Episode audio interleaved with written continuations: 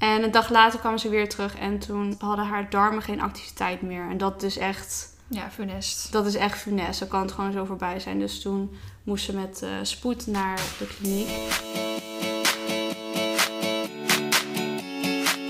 Hoi allemaal, superleuk dat jullie weer luisteren naar een nieuwe podcast. En vandaag ben ik met Carmen. Ja, hallo. Voor degenen die Carmen niet kennen, wil je jezelf even voorstellen? ja, tuurlijk. Ik ben Carmen, 24 jaar en ik heb op dit moment twee ponies, Suske en Ax. En ik heb jou leren kennen eigenlijk via Instagram. Is Ja. het zo gegaan? Ja. Het is wel Want- heel leuk hoe het is gegaan. Ja. Ja, want ehm, Carmen, haar Instagram-account heet dus Suske en Ax. Omdat het natuurlijk de paarden zijn. En de reden dat ik Carmen dus ken, is omdat Ax, het veulentje van eh Suske, dus echt extreem veel op Marley lijkt. Het is Ja. echt heel bijzonder, want ze zijn absoluut niet familie of in de verste verte nog niet. Maar ze lijken wel mega veel op elkaar. Dus ik werd dus toen ooit getagd, want ze wordt het jaar twee. Ja, Dus het is alweer twee jaar Ja, geleden. Echt heel snel. Ja, en toen werd ik dus getagd van wow, kijk, deze lijkt er superveel op. En ik word best wel vaak word ik getagd in paarden waarvan ik denk, nou, dat lijkt er helemaal niet op. Ja. En nu dacht ik echt, wow, die lijkt er echt superveel op. En toen had ik jou een berichtje gestuurd. En toen bleek je paarden ook nog eens in Ede te staan. Ja, Echt, hoe dan? Hoe toevallig. En ik woon in Ede, dus ik dacht echt, nou. En toen ben ik op kraamvisite gekomen. Ja.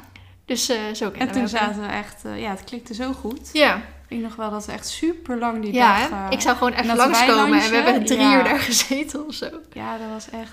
Ja, maar ja, dat was heel leuk gegaan. En ik was ook helemaal niet bekend met paarden-YouTubers en zo. Dus Nee. ik wist ook helemaal niet dat er een Marley bestond. Ja, ja, nee, niet lullig, maar ik wist er gewoon niet zoveel van. Nee. Dus ik schrok ook echt toen ik jouw account zag. ja, hoe Marley was. Ik dacht, jeetje, het lijkt er zo erg op. Het lijkt gewoon een duplicaat of zo. Ja, precies. ja, ja, heel leuk. Nou goed, en eh, Carmen was vandaag gezellig hier zo. We hebben geluncht op anderhalve meter afstand. En toen dacht ik, nou hoe leuk is het dat we samen een podcast kunnen opnemen. Want ik wilde super graag, heb ik al vaker gezegd, ook wel vaker met gasten podcast gaan opnemen. Normaal gesproken neem ik hem of in mijn eentje op of samen met Esmee. Of als ik zelf niet echt per se een onderwerp heb, doe ik het samen met Sjoerd. En dat is ook altijd wel heel leuk. Maar ik wil eigenlijk wel steeds vaker met andere mensen podcast gaan opnemen. Maar in deze tijd is dat natuurlijk best wel lastig om dat te gaan doen. Ja. En ik moet ook nog een beetje kijken, ja, nodig ik dan iedereen bij mij thuis uit? Of ga ik gewoon naar diegene toe? Of hoe zit dat dan? Moet ik even een beetje handig in worden? En toen kwam Carmen naar mij toe en dacht ik, oh, misschien is het best wel leuk om met Carmen een podcast te gaan opnemen. Dus ik had op Instagram gevraagd van, nou, willen jullie allemaal foto's eh, of dus een vraag insturen? En voor degenen die Carmen wel kennen, die zullen waarschijnlijk niet weten dat jij buiten de paarden ook nog een hele grote passie hebt. Ja, klopt. Ja, dat heeft met auto's te maken. met de Formule 1. Ja, eigenlijk al, eh, denk ik, al vijf jaar nu ongeveer. Maar hoe komt dat? Want het, zijn echt twee hele aparte ja, werelden. het is, het is inderdaad heel... Het staat echt ontzettend erg uit elkaar. Maar ik ben er eigenlijk een soort van mee opgegroeid. Mijn vader keek het altijd. En vroeger zei ik altijd, zet die herrie uit. Want ik hoorde alleen maar motoren en racen. En ik vond het geluid eh, niks aan. Maar ja, naarmate je ouder wordt, ga je toch weer steeds meer verdiepen. En je vader legde veel meer dingen uit. Hoe de sport nou helemaal in elkaar Mhm. zit. En zodra je ja, gewoon veel meer kennis hebt van de sport zelf, dan ga je het... Ja, je kan ervan houden of niet. Mhm. En ik ben gewoon heel erg gaan waarderen en heel erg gaan volgen. En eigenlijk sinds ja, Max Verstappen in de Formule 1 kwam, ben ik het nog meer gaan volgen. Zo erg dat ik iedere ra- raceweekend van vrij ben. en eh, ja, niet alleen vanwege Max Verstappen, maar echt, ik ben eerder wel een sportfan dan echt een Max Verstappen fan. Mhm. Ik ben Ja. natuurlijk wel fan van hem, maar ook gewoon ja, Van de grotendeels sport zelf. Ja, precies. En niet alleen Formule 1. Je hebt ook onlangs je eigen bedrijf opgezet. En je doet ook heel veel aan reizen. Dus Ja, je bent best wel veelzijdig eigenlijk. Ja, We hebben voornamelijk de vragen binnengekregen over het veulentje natuurlijk wat je gefokt hebt. Ja. Een paar vragen over Formule 1 en een paar vragen over... Nou, wat komt erbij kijken als je een eigen onderneming wil opzetten. Maar misschien wil je ook nog wat vertellen over alle reizen die je hebt gemaakt. Of misschien... de Ik reizen. ben die soort van vergeten om in de Instagram natuurlijk te Mhm. vragen. Dus misschien heb je daar wat simpele tips voor. Simpele tips. Ja, of, of in ieder geval, Ja. welke reizen heb je gemaakt tot nu toe? Oké, het is best wel een lijstje, maar... Ja. nou, ik heb dus in de podcast die dus gisteren, ja, gisteren online is gekomen, die ik met Sjoerd Mhm. heb opgenomen, hebben wij dus gezegd, wij hebben nog nooit echt een reis gemaakt. We gaan ook niet zo vaak op vakantie, omdat wij Ja. toch wel weer mensen die het ook thuis wel prima vinden, weet Ja, je wel. precies. En met de paarden ook en zo. Maar jij hebt wel echt veel gereisd. Ja. ja, ik hoor best wel vaak, jezus, wat heb je voor jouw leeftijd al heel veel gezien. En het klinkt heel cliché, maar het gaat echt om keuzes maken. Kijk, ik, eh, toen ik student was, ben ik niet op kamers gegaan. En meer zodat ik, eh, in plaats van dat je ja, je geld eh, uitgeeft voor een kamer in Amsterdam. Want Ja. ik studeerde in Amsterdam. Ja, terwijl je bij, vlakbij Arnhem woont. Dus dat is best wel dus, een, een eh, ja, ik afstand. moest iedere dag heen en weer. Al- ja, meestal een uur en drie kwartier heen en dan ook terug. Mhm. Maar ja, kamerhuur, dat is heel duur natuurlijk Zeker in Amsterdam. Amsterdam, ja. Dus of je moet een keuze maken, je gaat al je geld uitgeven aan een kamer in Amsterdam en het echte studentenleven in Amsterdam. Of ik zet heel veel opzij voor eventuele reizen. Dus ja, het gevolg daarvan is inderdaad, ik heb, niet, ik heb nooit echt op kamers gewoond. Maar ik kon wel nu al heel veel dingen zien van de wereld. En dat ligt Mhm. een beetje aan waar echt je interesse is, in zit. En als je echt heel graag wilt reizen, dan is mijn tip al om heel vroeg te beginnen met eh, geld opzij leggen en keuze maken. Eh, wil je op kamers of niet? Of wil je gaan reizen? Dus ja, dat... ehm, En heb jij echt geld opzij gelegd wat je dus zelf gespaard hebt met werken? Of heb jij ook bijvoorbeeld je lening daarvoor gebruikt? ook de lening natuurlijk. Want dat hoor je best wel veel dat mensen Ja. doen. Ja, zeker.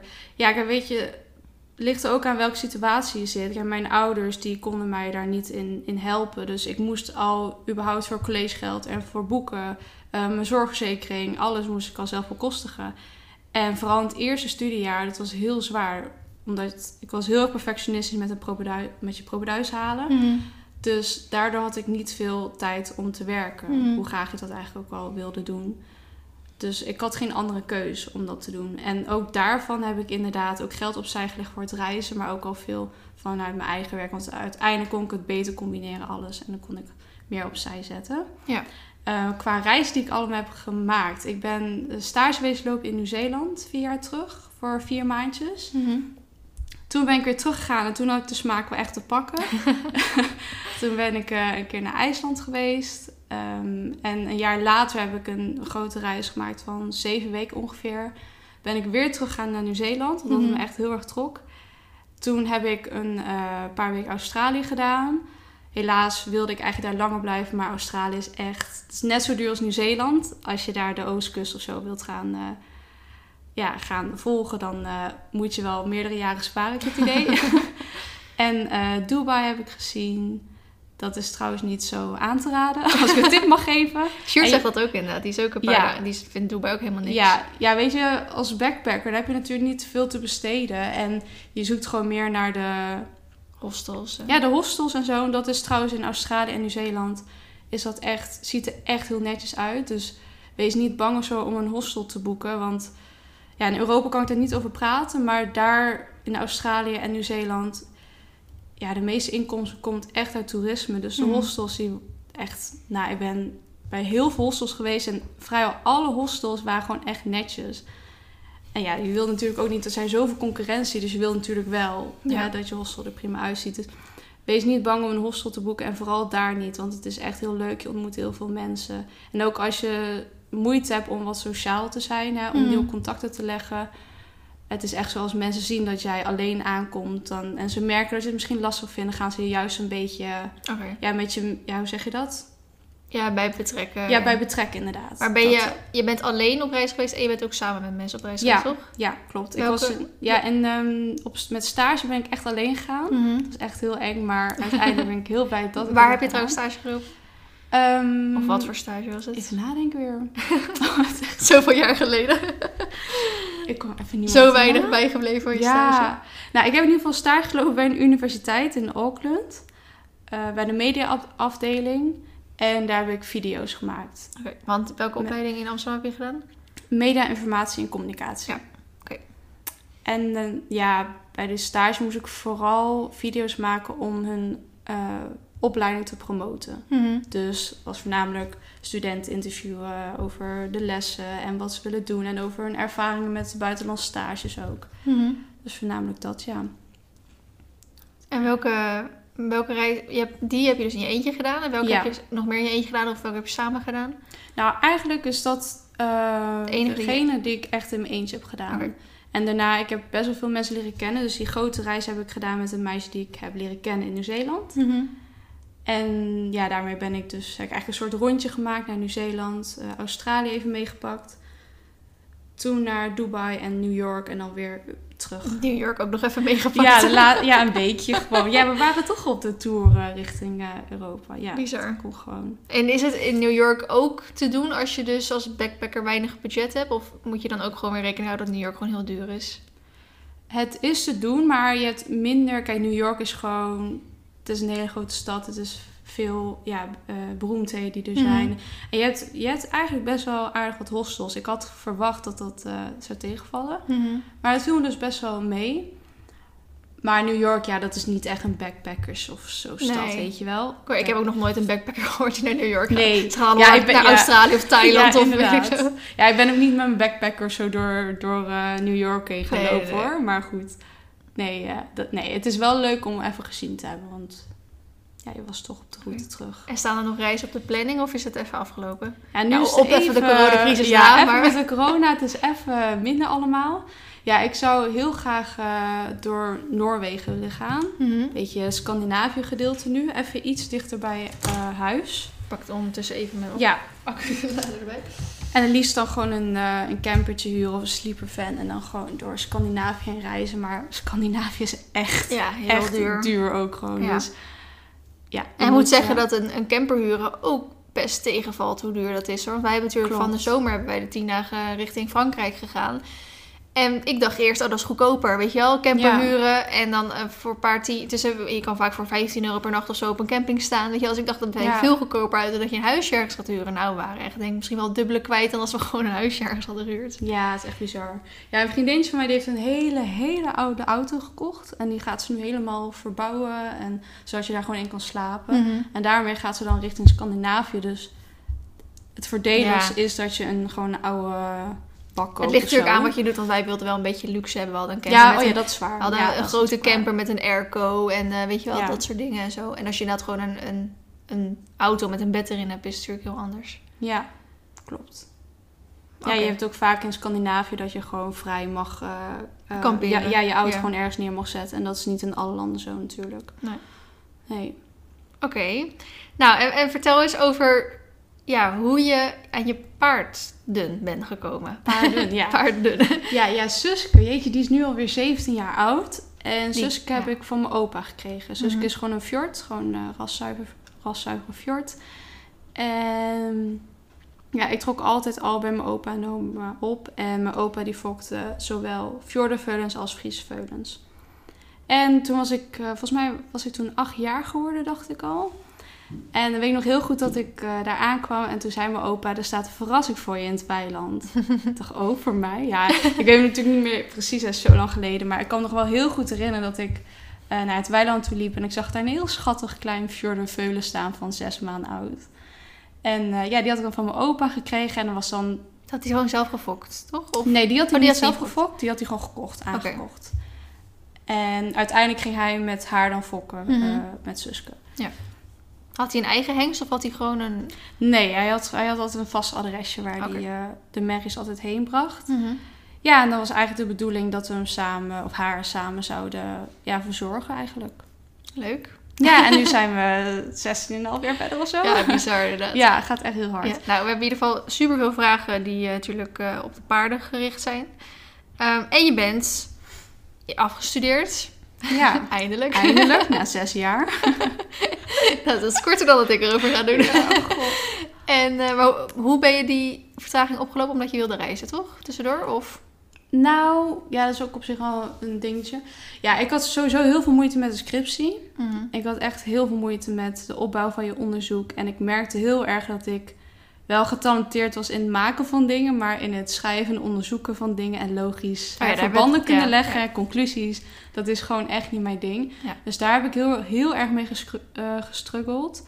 En ik heb op een gegeven moment zelf, ja, een vertraging klinkt raar, maar bewust opgelopen. Want ik zocht nog een stage. Alleen, ik wilde zo graag die stage hebben. Ik zag een vacature op een website. Alleen die zeiden van ja, eh, we hebben nu al iemand voor maart.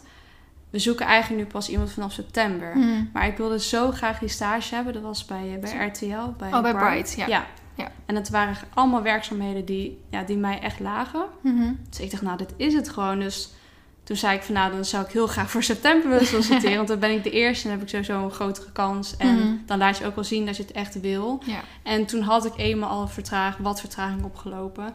Dus toen dacht ik van, nou ja, weet je...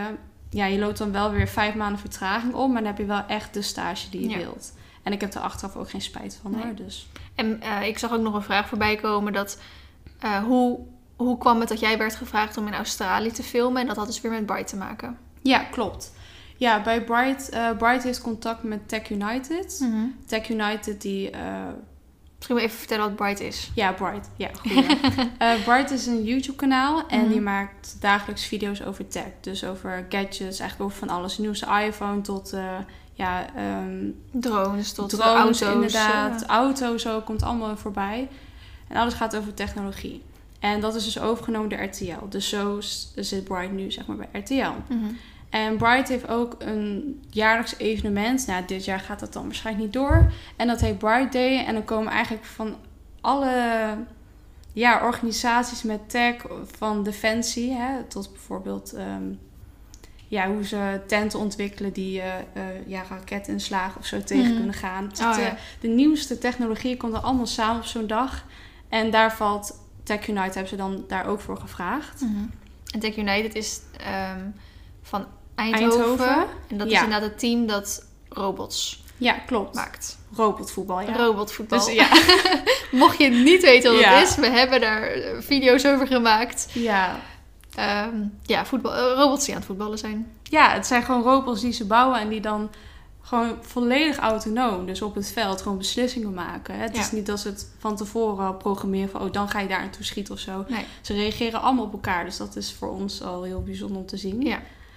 Eh, ja, en zij zochten dus voor vorig jaar eigenlijk, eh, tegen die tijd, zochten ze iemand die video's wilde maken. Want ze hadden altijd een vast persoon, alleen die persoon kon dat jaar niet.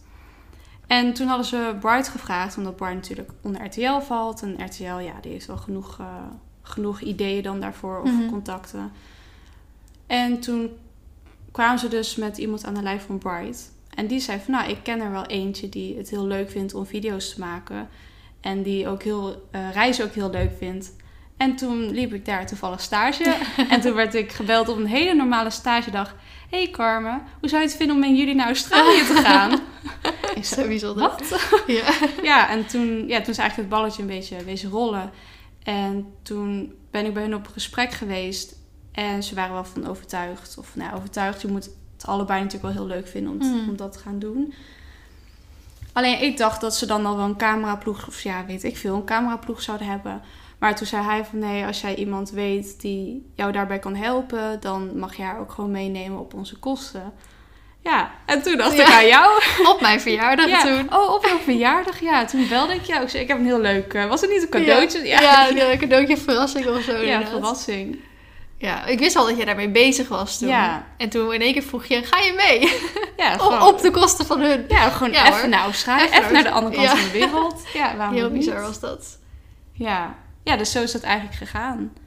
Ja, Ja. het was wel heel leuk. Ja, en ik zag dus, ik, hè, ik weet nu een paar vragen uit mijn hoofd. We gaan ze straks allemaal af, maar even een beetje erop inspelen. Mhm. Ik heb een vraag van iemand gekregen van, zijn jullie in Australië achter iets van elkaar gekomen wat je misschien niet had verwacht?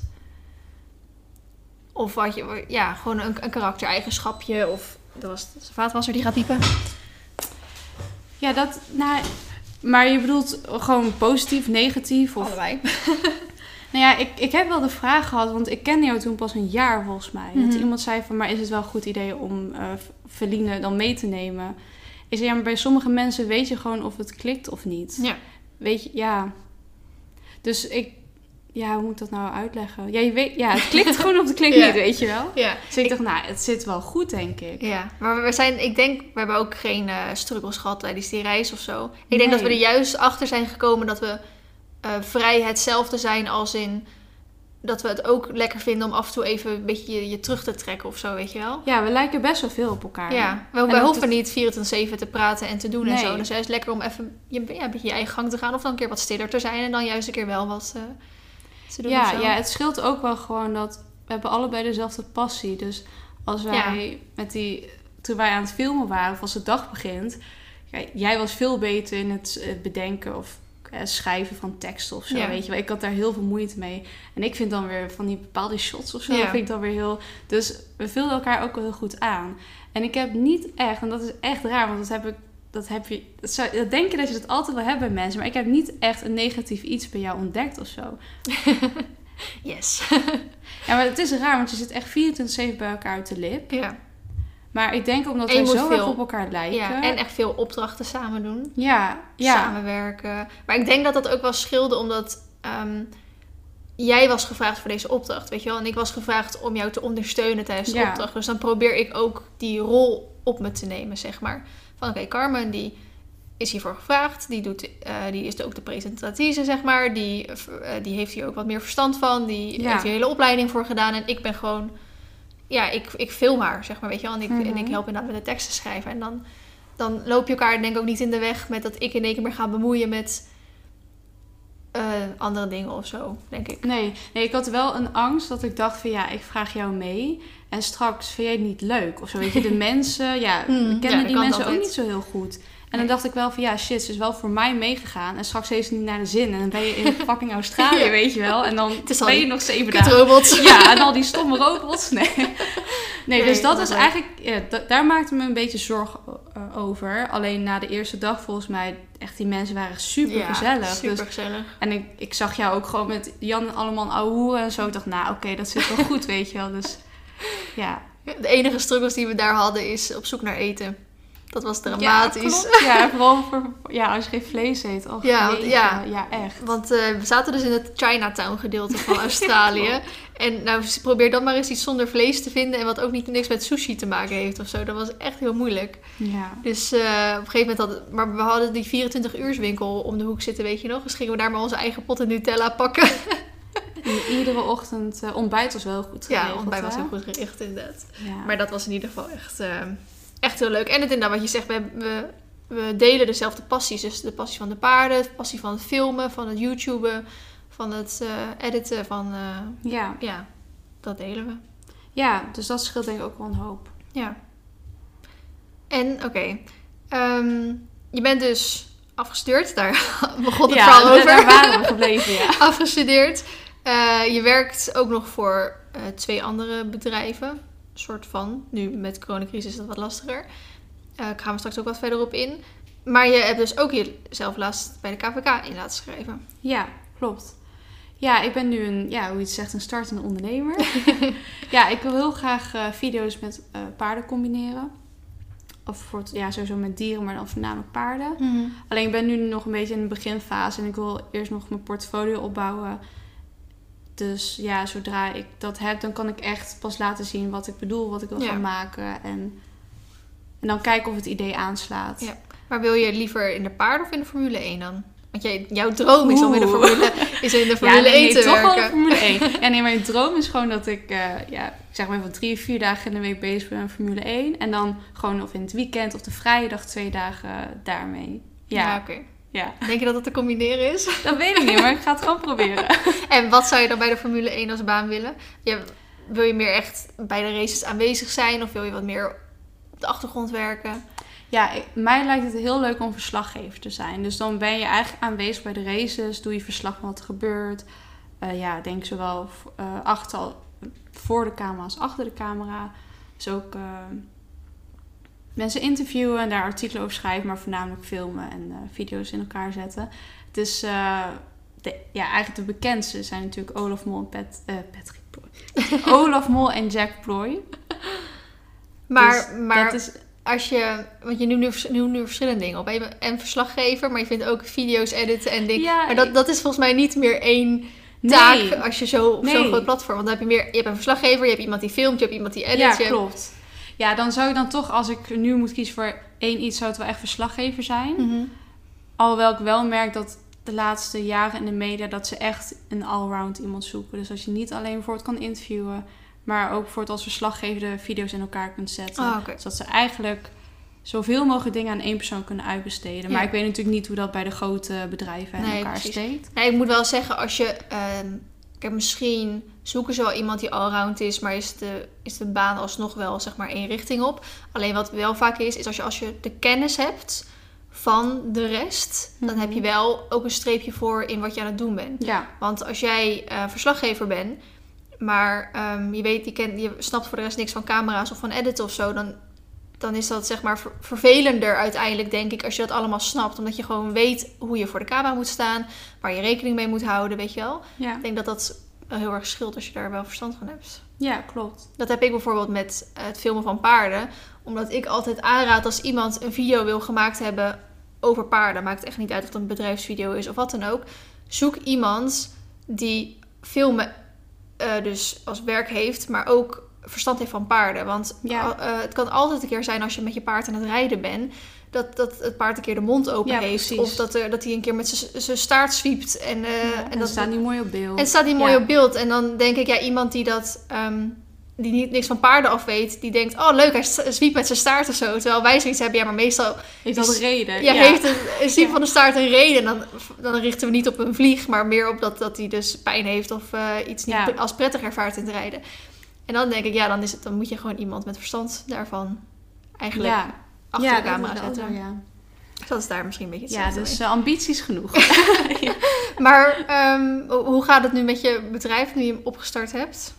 Ja, ik ben nu eigenlijk nog aan het sparen voor mijn apparatuur die ik uiteindelijk wil. Ik heb heel veel onderzoek gedaan naar welke camera ik wil hebben. Het is echt oh, heel gedoe geweest. Maar nu ook met de corona en je kan niet veel doen. Nee.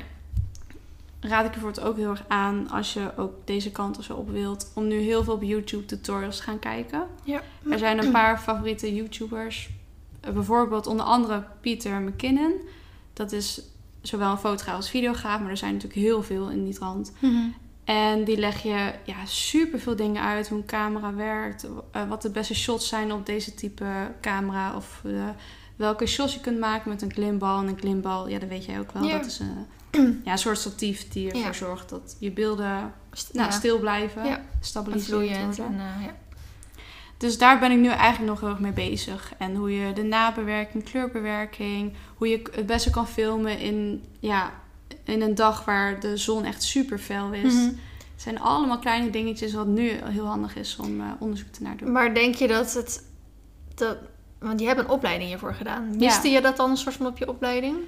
Ja, want ik had een hele brede opleiding. Dus je kreeg altijd van alles een beetje wat. En de rest Mhm. moest je maar zelf uitzoeken. Mhm. Zo is het eigenlijk gegaan. Ja, als je een mbo-opleiding doet... Ik merk bijvoorbeeld een andere stagiair van mij... die toen ook bij RTL zat... die had zoveel meer kennis dan ik had. En hij deed een mbo-opleiding.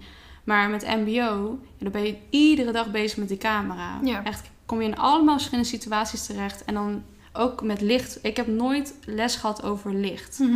Dat, is- dat, dat mis ik nu heel erg. Dus dat zoek ik dat nu heel erg op. Ja.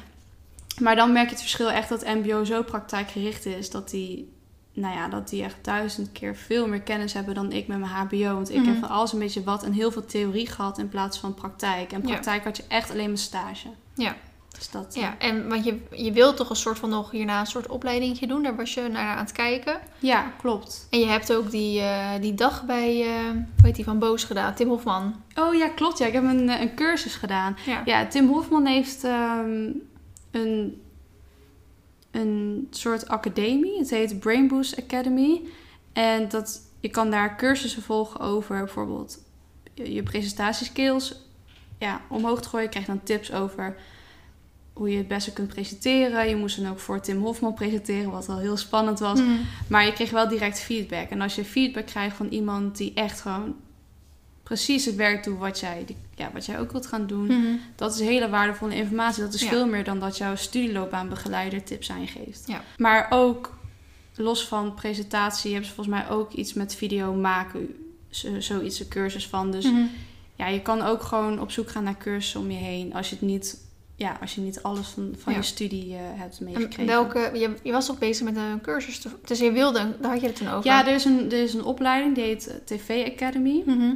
En dat, zijn, dat is eigenlijk een groep van young professionals, zo word je dan uitgekozen. En dan word je een jaar lang word je begeleid door mensen echt uit het werkveld. En je Mhm. krijgt ook bijvoorbeeld presentatie, cursus van de presentatiecoach van Linda de Mol. Dus het zijn wel echt mensen waarvan je weet, die hebben er Ja. verstand van en die Ja. kun je echt helpen. En het voordeel daarvan is dat je netwerk opbouwt. En je kan wel hartstikke goed zijn in alles, maar als je geen netwerk hebt, dan kom je er niet. Nee. Het draait echt om netwerken en natuurlijk ook talent, maar voornamelijk ook wel echt netwerken. Ja. Ja, Oké, maar wil je nog die gaan doen? Of ja, nog, ja, eh, ja, zeker. Ja, ik moet nog even kijken. Volgens mij in september gaan ze starten. En ik moet nog eh, me aanmelden. Ik moet nog even een formulier invullen. Lekker bezig, meid. Ja, heb ik daar alle tijd voor trouwens. Ja. Precies. Oké, nou, ik denk dat we een hele brede introductie van jou hebben gedaan. Ja. Oh, was dit mijn introductie? Ja, ja, introductie.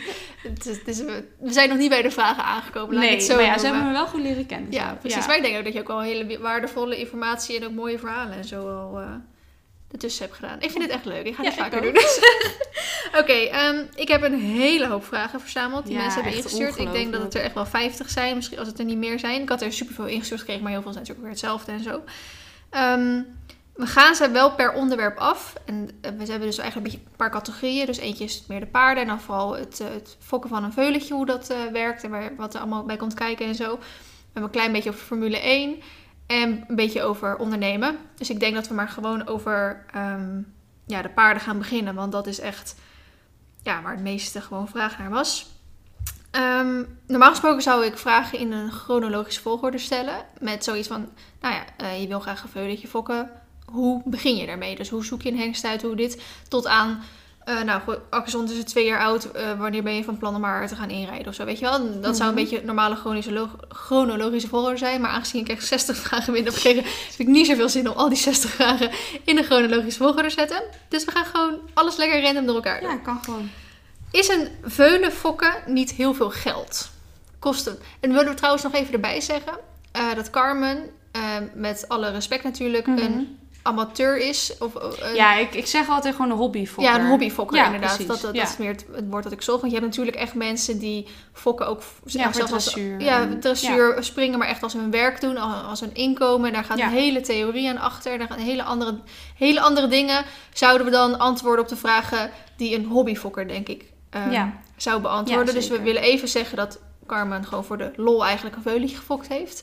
Ehm, wat misschien wel leuk leek, ik heb veel eh, contact met Anne-Claire Bongers van ACB Dressage. En zij heeft, doet ook, op, eh, doet ook eh, fokken en heeft een opfokstal en bla bla. Dus misschien is het leuk dat ik misschien met haar een keer ook een podcast kan opnemen. Als Ja. echt meer de inhoudelijke vragen over alles wat er rondom veulens en zo komt kijken. Dus dit zijn een hobbyfokker. Ja, precies. Nou, eh, is een v- veulenfokken, kost dat niet heel veel geld? nou, ervan uitgaande dan dat je niet, wat jij net zei, hè, voor echt eh, een hoog dressuurpaard wilt gaan fokken.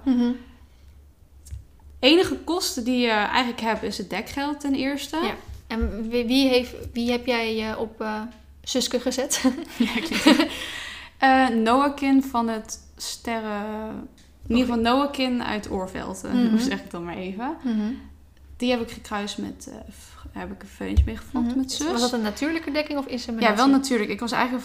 Ik wilde het liefst eh, kunstmatige inseminatie doen. Puur ook gewoon praktisch gezien. Want Oorveld is twee uur rijden. Laat staan met de trailer dan nog even... Hè, Mhm. Nog wat eh, aan een half uur zo erbij. Mhm. Dus praktisch gezien wilde ik liever eh, kunstmatige inseminatie doen. Maar hij deed alleen natuurlijk. Dus ik had geen andere keus. En ik hoefde niet per se... Kijk, ik heb Suske, fjord. Ze heeft echt een heel goed springvermogen van fjord. En haar bouw is heel smal een fjord. Heel Ja. sportief is ze gebouwd. Heeft, zij, heeft, heeft zij nog merriekeuringen vroeger gelopen? Ja, ze is modelmerrie. ge- eh, nou, nog steeds eigenlijk. Ze is een modelmerrie. Mhm. Mijn opa ging altijd met haar naar keuringen. En de Fjordenveulens die hij destijds met haar fokte... die hebben ook allemaal een predicaat of een premie gekregen. Mhm. Eh, dus waar waren we met... Oh, is het, is het veel geld? Ja, je, je betaalt dus eigenlijk puur het dekgeld. Daarna heb je gewoon... Niet, ja, qua ontworm moet je ook je merrie wel op tijd ontwormen. Mhm. Inenting heb je eigenlijk erbij. En eigenlijk vanaf de laatste maanden van de dracht moet je beginnen met merriebrok. En merriebrok is speciaal voor merries die drachtig zijn. Die hebben net dat extra wat ze nodig hebben. Want in de laatste maanden krijgt zo'n veulen in de buik echt een goede spurt. Mhm. Dus om hen te ondersteunen daarin hebben ze een speciale merriebrok ervoor. Dus dat zijn eigenlijk je kosten.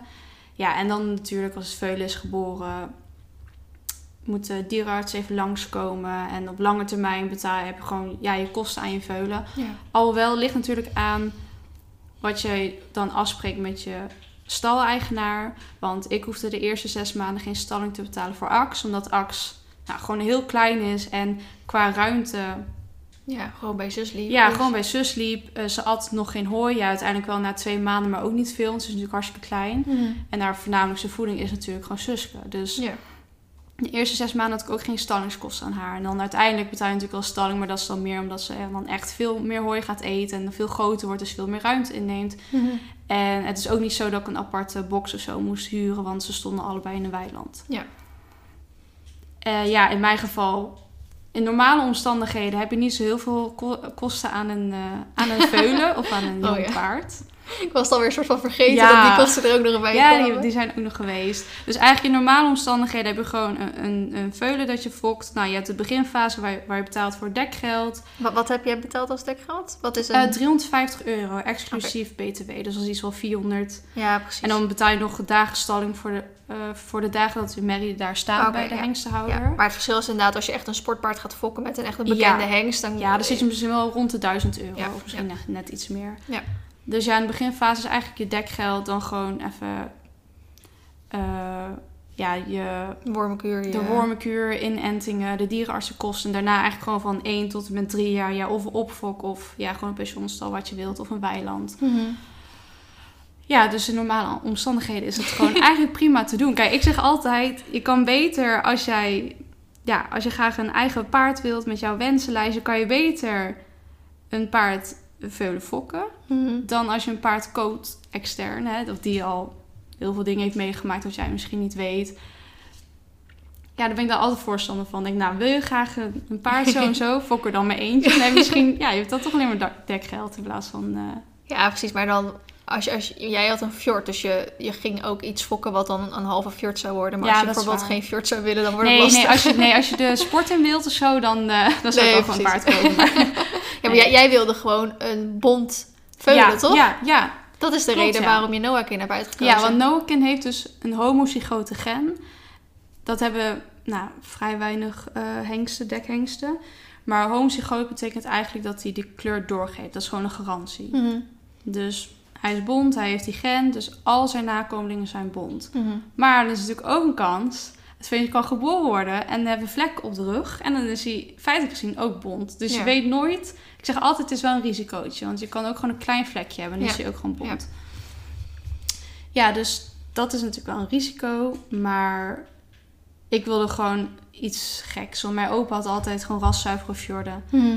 En ik wilde niet zo'n standaard fjord. Ja, ja, dat is Ja, maar je had er al één. Ja, ik had er al één. Ja, waarom zou ik dan nog... eh, Ja. ja. Nee, dus toen ben ik op Noakin terechtgekomen... omdat hij een van de weinigen is die bond gewoon echt doorgeeft. Mhm. Ja, en toen is eh Ax daaruit ontstaan. Heb je nog verder soort van eisen gehad bij een hengst? Want normaal gesproken als je dus een paard fokt omdat je daar echt een sport in mee wil gaan, dan ga je dus kijken, oké, eh, dus dit heb ik geleerd omdat ik een vakfokkerij op school heb gehad.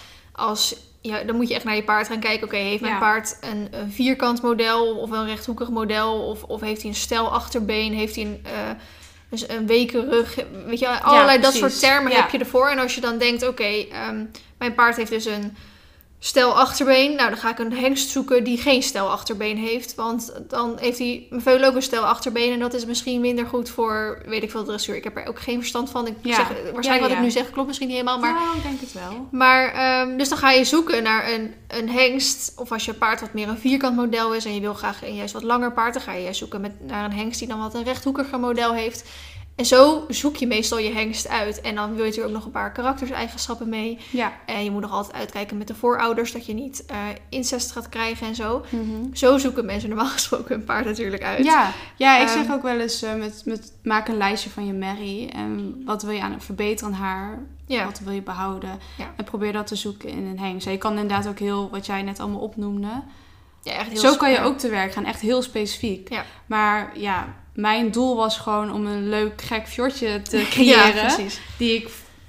Ja, ik weet gewoon niet zoveel, nog niet echt wat ik ermee wil gaan doen. Ja, recreatief vind ik heel leuk. Mhm. Maar je weet natuurlijk niet hoe zij gaat. eh, maar gezien de vader, die heeft wel eh, goede ouders ook. Mhm. En de bouw is ook wel beter. En Suske vind ik qua springvermogen echt heel goed. Mhm. En Noakin is qua dressuur, vind ik hem ook heel mooi. Mhm. Goed lopen.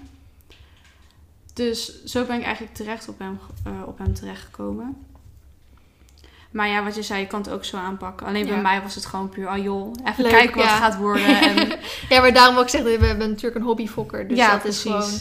En, Ja. en, en misschien de vraag van was je van plan Ax zelf te houden? En hoe dacht je daar in het begin over en hoe denk je daar nu over? Want dat verschilt natuurlijk ook weer als jij ehm, wil gaan fokken omdat je dat leuk vindt. Maar het is wel de bedoeling dat je het veulentje gaat verkopen. Dan kijk je er misschien ook ja, dan anders kijk je naar er heel anders aan dan dat je gewoon denkt, oh maar die ga ik ook zelf houden. Ja, tuurlijk. Want als je al het idee hebt dat je wil gaan gaat verkopen, dan denk ik ook dat je een- misschien wel een an- andere Henk zou zoeken. Die al veel meer nakomelingen had, waar, waarbij je al kon zien hoe die nakomelingen zijn, weet Ja. je wel? En hoe ver ze in de keuringen bijvoorbeeld zijn gekomen. Alleen ik wist al gelijk dat ik haar wilde houden. Dus daarom ben ik ook gewoon heel eigenlijk ja, ja, gewoon wat ja, Vrijer wat, vrijer erin geweest. Maar als je hem echt wilt gaan verkopen, dan wat je net allemaal zei, kan je beter die richting Ja. op gaan. Want anders wordt het wel lastig om er een leuk prijs voor te krijgen natuurlijk. Oké, Eh, volgende vraag is: Heeft een Mary na de zwangerschap minder last van haar hormonen? Ik weet niet of, ah, of het bij zus ge- gemerkt heeft. Gemerkt hebt. Minder last na, na de zwangerschap? Ja. Of, ehm, Ja, nou, ik heb wat ik dus. eh, ik heb vriendinnetje Jasmijn en haar, opa heeft voor de kenners eh Glamourdale ehm, gefokt. Dat is eh, een paard die op, bij Van Olst, van ja, nu eigenaar volgens mij zijn. En die WK Jonge dressuurpaarden gewonnen. Ehm, en zij zegt altijd, ja, als de, als de... Het is niet altijd, maar het komt vaak voor als de paarden drachtig zijn. Dat ze dan veel ja, rustiger zijn. Oh, niet, zo. zo. niet zo last hebben van die hormonen. Of juist, of juist vaak als een merrie heel heet is... Mhm. Dan gaan ze er een keer een veulentje mee Ja, fokken. En dan zijn ze daarna, als het Wat veulentje... rustiger. wat rustiger zijn ze ja, dan. ik weet niet inderdaad hoe dat precies in elkaar zit. Mhm. Maar ik heb eigenlijk van mijn opa vroeger ook al gehoord... als je echt een heel heet paard hebt... en Mhm. die wordt drachtig en die maakt het hele proces mee... eh, het veulentje opvoeden, ook weer uiteindelijk afspelen later... dat ze qua gedrag wel goed kunnen gaan veranderen. En Ja. ik weet niet precies hoe dat werkt in hun hoofd... Mhm. maar dat heb ik zo vaak gehoord vroeger ook in mijn omgeving... en ook dat, het- dat je dat ook echt merkt. Mhm. Maar heb je daar En- met Suske iets mee gemerkt? Want heeft zij nou al veuletjes ook ehm voor Ax gehad? Ja, ze heeft er volgens mij vijf of zes gehad. Zo. Ja, dat is even een dingetje. Ja, van haar vierde tot haar negende, dacht ik, is uh, geweest. Mhm. En ze was, ja, ze was drie toen ze werd gedekt. En dan met vier kreeg ze dan het veulen. Mhm. En daarna was ze al gelijk heel mak. Oké. Ja, en nou ja, met al die veulens daarna is ze nog Ja. makkelijker geworden waarschijnlijk. Ja. Nee, ik weet niet precies hoe dat in hun hoofd zit, maar eh, het is, ja, het is wel echt zo. Ik kan Ja. echt niet zeggen dat het een fabel is, want ik heb het juist alleen maar gezien en gemerkt dat het echt zo is. En ook qua tijdens de dracht, dat verschilt echt per merrie. Want ik merkte wel echt aan Suske dat ze heel aanhankelijk werd. echt ontzettend aanhankelijk. Dus iedere keer om me heen zat te lopen en knuffel wilde en borstelen en zo. Mhm. Ja, echt, echt een divaatje. Terwijl ze daarvoor, voor Ax, best wel zelfstandig en gewoon... Maar tijdens de dracht zocht ze heel vaak mij op. En nu na de dracht is dat... Dus, en ze is van, van haar negende tot... Nee, van haar vierde tot haar negende. Ja, maar van haar negende tot haar vijftiende Oh, is ze ja? dus niet meer eh Nee, nee, geweest. En wat heeft jou toen doen besluiten om dan toch weer wel een veulentje te fokken? Nou, ik... Ja, vroeger ben je natuurlijk jong, dan kan je niet meer alles herinneren. En je ziet dat hele gebeuren van hoe dat gaat met fokken. Maar ik dacht, ja, ik wil het ook gewoon eens een keer zelf ervaren hoe het is. En of ik het heel leuk vind om te doen. Of dat ik het juist denk van, nou hè, dit, eh, één keer nooit meer. Ehm, wat was de vraag? ook ik was. Waarom je besloten hebt om Oh, nu waarom zeg maar ik wel eh, te fokken. Ja. ja, gewoon om die ervaring eens mee te maken. En dan hoe het is om dat een keer helemaal zelf te Ja. doen. En hoe oud was Suske toen je... ehm, 15. ja, oké. Ja. Maar en het, het scheelt dus wel, want we hebben ook wat vragen binnengekregen van... Nou, mijn Mary is zo oud, is het nog verstandig om met haar te gaan fokken? Eh, het scheelt natuurlijk dat Suske al... ehm, kijk, vaak rond die leeftijd kan je nog prima een veulentje fokken. Ja. Alleen het is wel fijner als het, ehm, het paard op jonge jongere leeftijd ook al een keer een veulen heeft Ja, gehad. klopt. Toch? Dan is dat... Ja. ja, en als je twijfelt, dan raad ik altijd aan om even de dierenarts om Ja. advies te vragen. Ja, Want dat ik, altijd Ja, ik twijfelde daar ook heel erg over. Alleen ze was, de dierenarts was daar toevallig ja, voor een ander eh pensioenklant. Mhm. En dus ik vroeg dat even aan haar. En ze zei van, nou joh, de leeftijd, ze is nu 15. Is het haar eerste veulen? Ik zei, nee, ze heeft er al vijf of zes gehad. Ik zeg, nou, dan, dan kan het gewoon. Kijk, en als je nou een paard hebt van 15, 16 en het is de allereerste dracht... Ja. Ja, dan moet je wel even goed nagaan of het, eh, Ja. Ja. of het slim is. En hoe vind je dat Suske de dracht is doorgekomen? Want je hebt eigenlijk aangegeven dat je na Ax, dat Ax het laatste veulentje werd voor eh, Ja. zus. Omdat ze niet zo... Ja, het is... Zus was natuurlijk 15 toen ze Ax kreeg, was ze 16. En ik, ze, ze droeg over. Kijk, normaal is gemiddelde 11 maanden uit mijn hoofd. Mhm. Dus dat is iets van 330 dagen of zo, 335 dagen. Mhm. Zij heeft vier, vier weken overgedragen. Dus eh, ze heeft 364 dagen, bijna een jaar, heeft ze Ax eh, moeten dragen. Maar ja, die laatste twee maanden waren gewoon niet te doen. Want het was, en het was ontzettend warm. En ze had zo'n zo'n dikke buik. Ze was echt zo aan het ja, Waggelen. waggelen. kwam ze naar me toe. En op een gegeven moment dacht ik, nou weet je, laat alsjeblieft het veulen uitkomen. Ik kan het gewoon niet meer aanzien, want ze had het echt heel zwaar. Mhm.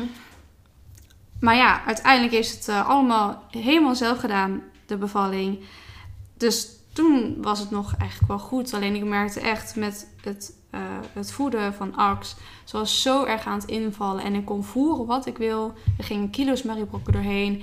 Ik heb de dierenarts nog een keer naar laten vragen. Ik heb zelfs seniorenslobber moeten geven. Maar ze kwam gewoon niet aan. En nu pas, we zijn twee jaar verder.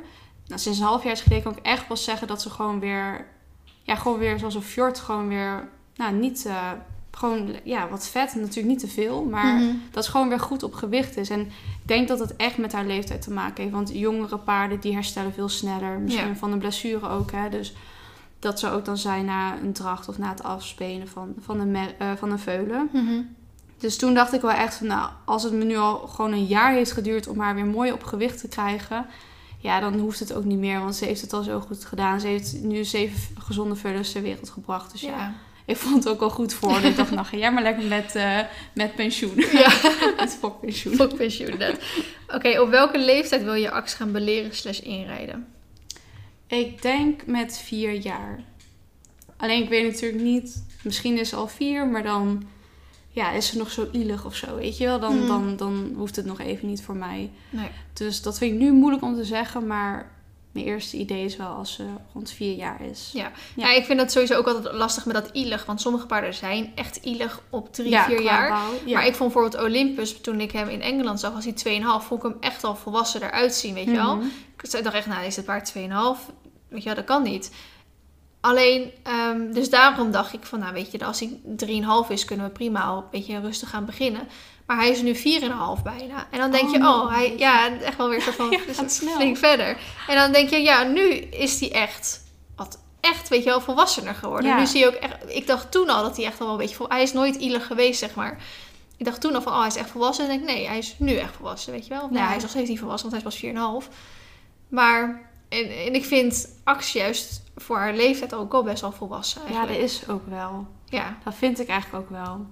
Maar ik moet zelf ook gewoon een beetje, want het is dan de eerste keer überhaupt dat ik eh, ook dat ga meemaken. Hè? ja, inrijden. Ja, Ja, ik ga dat liever denk ik wel zelf liever uitbesteden. Wel Mhm. dat ik er zelf betrokken bij ben. Mhm. Maar ja, ik vind het lastig. Als je er zelf nog niet echt ervaring mee hebt, is het toch wel even een ding. Je moet het wel echt goed aanpakken. Want Ja. als je dat verkeerd doet, ja, dan heeft ze de rest van haar leven last van. Maar, en hoe zit je dan? Want eh, je wilt natuurlijk graag met Ax ook een keer een veulentje fokken. Ja. Dat je drie generaties hebt. Ja, dat is echt mijn doel, joh. En dat, wilde, dat zet je te twijfelen om dat dit jaar te gaan doen. Maar dan vond je, het is alleen niet Nee, dit niet jaar, dit jaar. eh, Ho, volgend ho. jaar, twee jaar. Nee, niet dit jaar. Ik zit met mijn Ja. hoofd al dat ze drie ja, is. joh. snap ik. Eh, zat je te twijfelen of met drie al, maar dat vond je eigenlijk een, een wat te jong. Dus dat wilde je misschien met vier doen. Maar dan kom je misschien in je knoop met je Ja, dat is nog een dilemma inderdaad. De- ik weet namelijk niet zo goed of ik nou eerst eh, die kanten wil elkaar gaan beleren. Of, want kijk, als je haar gaat beleren, je gaat de zaden mak maken, dan bouwt ze natuurlijk spieren op. Mhm. Maar als je daarna haar veulen gaat fokken, ja, dan staat ze natuurlijk heel lang weer stil. Dus Ja. uiteindelijk heeft ze geen, geen spieren meer. Mhm. Nou ja, die zijn dan heel erg eh, ingevallen. Dus dan is dat een beetje tegenstrijdig. Dan is dat zonde van de tijd en energie die je daarin hebt Ja. gestoken. Aan de andere kant doen best wel vaak mensen natuurlijk een paard inrijden. Gooi je hem dan nog een paar maanden op de wei. Ja, dat hij even alles Dat kan die- verwerken. Ja, dat is ook alweer zo. En dan zou natuurlijk ook kunnen dat je eerst even inrijden doet. Of even inrijden. Een heel proces. Eh, en dan gewoon lekker een veulentje erin. Ja, en dan kan, ze ook gewoon even lekker chillen. En dan nou, als dat veulentje tegen de tijd weer is afgespeend, dan pak je het een soort van weer op. ja, Dan zullen ze, het zou je wel weer een soort van deels opnieuw moeten beginnen. Maar misschien zullen ze het deels ook nog allemaal wel kennen, zeg maar. ja. Ik ben er nog niet inderdaad over uit Nee. welke volgorde Nee. ik aan ga nemen. Nee. Je hebt nog de tijd. Ja, precies. Ehm, wat zijn de drie leuke dingen aan een veulentje, maar wat zijn ook minder leuke dingen? Nou, het leuke is gewoon... Ja, het klinkt heel raar, maar het is eigenlijk een soort sim, zie ik het dan, weet je wel? Want jij wilt heel graag een veulentje fokken. En je kiest zelf de hengst. Dus je hebt alles zelf in handen. Mhm. En als je dan ook uiteindelijk het resultaat hebt dat er een heel mooi gezond veuntje uit is gekomen. Ja, dat geeft gewoon zo'n, ik weet niet, gewoon zo'n zo'n geluksgevoel. Ja. Zo weet je, dat je het toch even voor elkaar hebt gekregen. Ja, niet alleen ik, ook die Mary natuurlijk, maar dat. En het leukste vind ik echt om het veulen zelf alles aan te leren. Want als je een paard koopt, dan sta je er helemaal niet bij stil dat het paard ooit heeft moeten leren om mee te lopen. Hè? Want dat Hmm. zie je dan als vanzelfsprekend. Hmm. Of het voetje geven, zodat de, eh, het verloop met de hoesmid goed gaat. En dat zijn de dingen die ik echt leuk vond om te doen. Gewoon die kleine dingen om maar aan te leren om een voetje te geven. En dat dan de hoesmid, de allereerste keer dat de hoesmid kwam, dat hij dan zei... Ik heb nog nooit zo'n jong veulen meegemaakt die zo braaf is. Ik heb nog nooit meegemaakt. Ah. Dat, dat is zo Ja. denk Snap oh, ik ik het toch even goed voor elkaar. Ja. Ja. en dus als je het gewoon echt in de hand hebt. Als jij een paard hebt gehad die bijvoorbeeld een angst heeft voor de hoesmid. Als jij met... ehm, Ja, Olympus had met Olympus, eh, toch? Ja. Ja, dat zijn dan weer dingen die ik dan ook om me heen hoor. Dat ik dan denk van, joh, dat kan je nu al. En nu ze zo klein zijn, dan kan je dat eigenlijk al voorkomen. Ja. Dus dat vind ik ook heel leuk. En eigenlijk ze zien opgroeien. Ja, het klinkt heel cliché, maar dat je gewoon zo'n heel schattig babypaardje Ja. ziet opgroeien tot, Ja. eh, tot die schoot. Eh, de drie nadelen was Ja. het. Toch wel de, de angst, zeg ik maar, tijdens de dracht. Ik had Mhm. echt, omdat zij overdroeg, had ik echt... Ik maakte me mezelf helemaal gek. Mhm. Ik dacht dat iets mis was. Dus mentaal is het wel even een pittig dingetje. Maar Mhm. ook omdat het natuurlijk je allereerste keer is. Hè? Kijk, als je al heel veel ervaring mee hebt, dan weet je al van... joh, het zit zo, het zit zo. Dus dat moet je allemaal een beetje ondervinden. Dus dat is wel een beetje een nadeel. Dat, dat het soms... Ja, dat je jezelf een beetje gek kan maken met wat er allemaal fout kan gaan. Mhm. Een ander nadeel is ook wel soms dat je niet echt beseft, of nou ja, beseft. Nou, in mijn geval is het gewoon een nadeel geweest dat de Ax gewoon heel erg ziek is geweest. Mhm. En dan denk ik wel van joh, hè, dat is wel weer even een nadeeltje van, Ja. want dat had ik niet verwacht dat dat eh, zou gebeuren. Want, wat heeft zij eh, gehad? Voor Nou, de- ze heeft met eh, acht maanden heeft ze een acute darmontsteking gekregen. Ehm, eerst wist, wisten ze niet echt wat aan de hand was. Dus ik heb eigenlijk een, een dag lang een beetje heen en weer lopen sukkelen met haar. En medicatie geprobeerd en alles. En een dag later kwam ze weer terug. En toen had, hadden haar darmen geen activiteit meer. En dat is echt, Ja, funest. dat is echt funest. Dan kan het gewoon zo voorbij zijn. Dus toen moest ze met eh, spoed naar de kliniek. Eh, ook de allereerste keer dat ze met de trailer kennis maakte. ja, dus, eh, dus, dus dat is gewoon heel moeilijk geweest en heel eng allemaal. En vooral omdat je dan, het gaat om je eigen veulen, je hebt jezelf gefokt. Ja. Het is niet even een paard wat je hebt gekocht en misschien dat na een maandje een keer iets misgaat. Het is gewoon een veulen waar je al elf maanden lang mee bezig bent geweest. En het, het is geboren en je doet er alles mee en je wilt het allemaal zo goed mogelijk doen. Mhm. En dan gebeurt er dit. Gelukkig is ze wel na twee weken is ze er bovenop gekomen. Alleen ja, het is toch wel ja, een nadeel. Het is gewoon iets wat je meemaakt waarvan je denkt van ja, dat zijn ook weer dingen waar je ook rekening mee moet houden. Dat kan er ook gebeuren als je een veulentje hebt. Want jonge paarden zijn gewoon eenmaal veel gevoeliger voor bijvoorbeeld Ja. wormen of voor hun weerstand is gewoon nog niet zo hoog. Want weten ze nou waar het zeg maar door aangewakkerd is? Of, eh, Nou ja, ik vond het een, een beetje eh, vaag. Hij zei dat het dus een combinatie is van bloedwormen en van een bepaalde bacterie die ze heeft opgelopen, schijnbaar. Ik vond het een beetje apart, want Suske stond daar ook en een andere Shetlander waar Axel op dat moment stond en die hadden nergens last van. Maar Mhm. schijnbaar omdat ze zo jong was op dat moment, zijn ze daar gewoon veel gevoeliger voor. En juist precies in die week zou ik haar weer ontwormen volgens het schema. Dus Mhm. ja, het is gewoon eigenlijk pure pech. Want normaal heb je ook gewoon veulens die...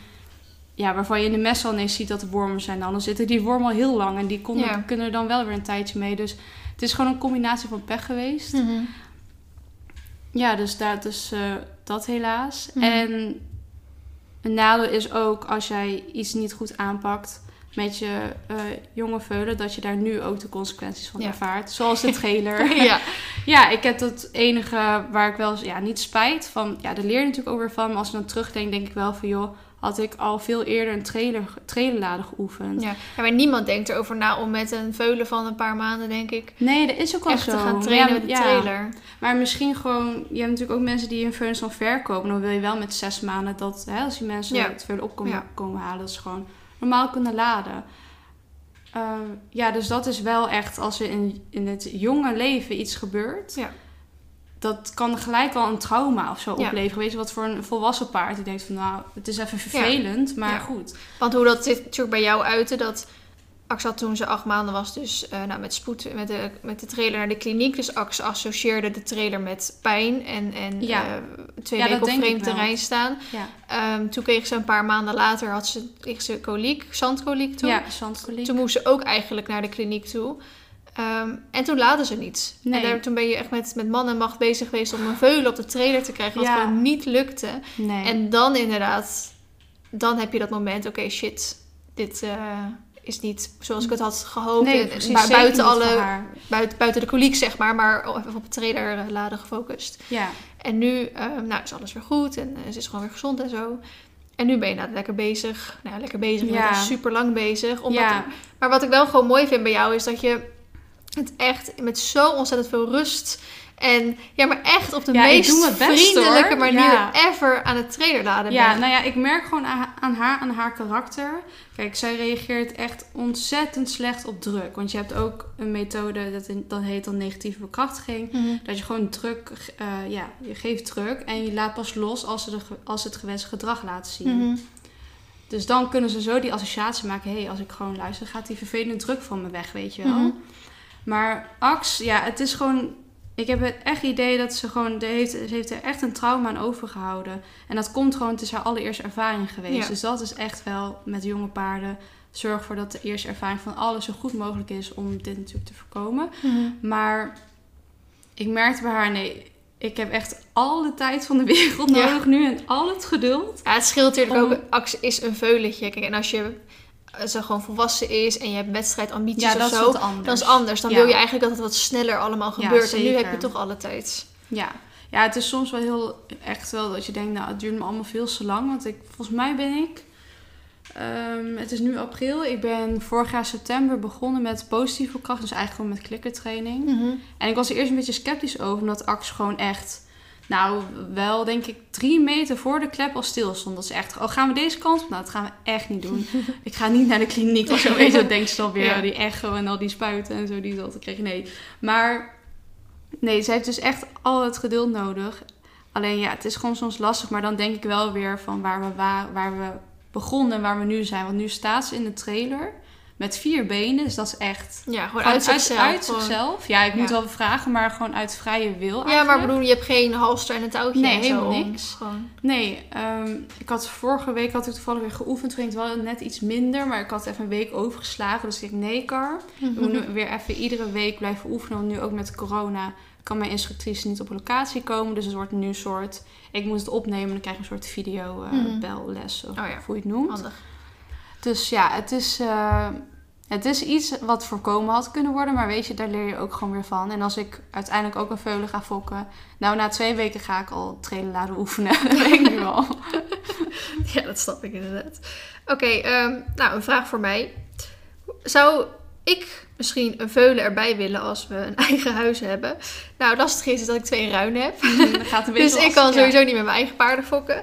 Ehm, en nu moet ik zeggen, met al het gedoe wat, wat we met Olympus hebben gehad, denk ik niet dat ik meer zo snel een jong paard zou kopen. Dan zou ik denk toch, wat eigenlijk mijn oorspronkelijke plan ook was, om gewoon een 4, 5-jarige te kopen. Ja. Ehm, nou goed, die kon ik niet echt vinden, dus dan toch maar een jong paard. En nu precies, nee, dan zou ik toch, als ik er eentje bij zou kopen, zou ik toch gewoon weer een, een wat ouder paard nemen. Of zelf inderdaad fokken om dat een keer mee te maken. Dat lijkt me Ja. echt super leuk. Maar ik heb geen merrie.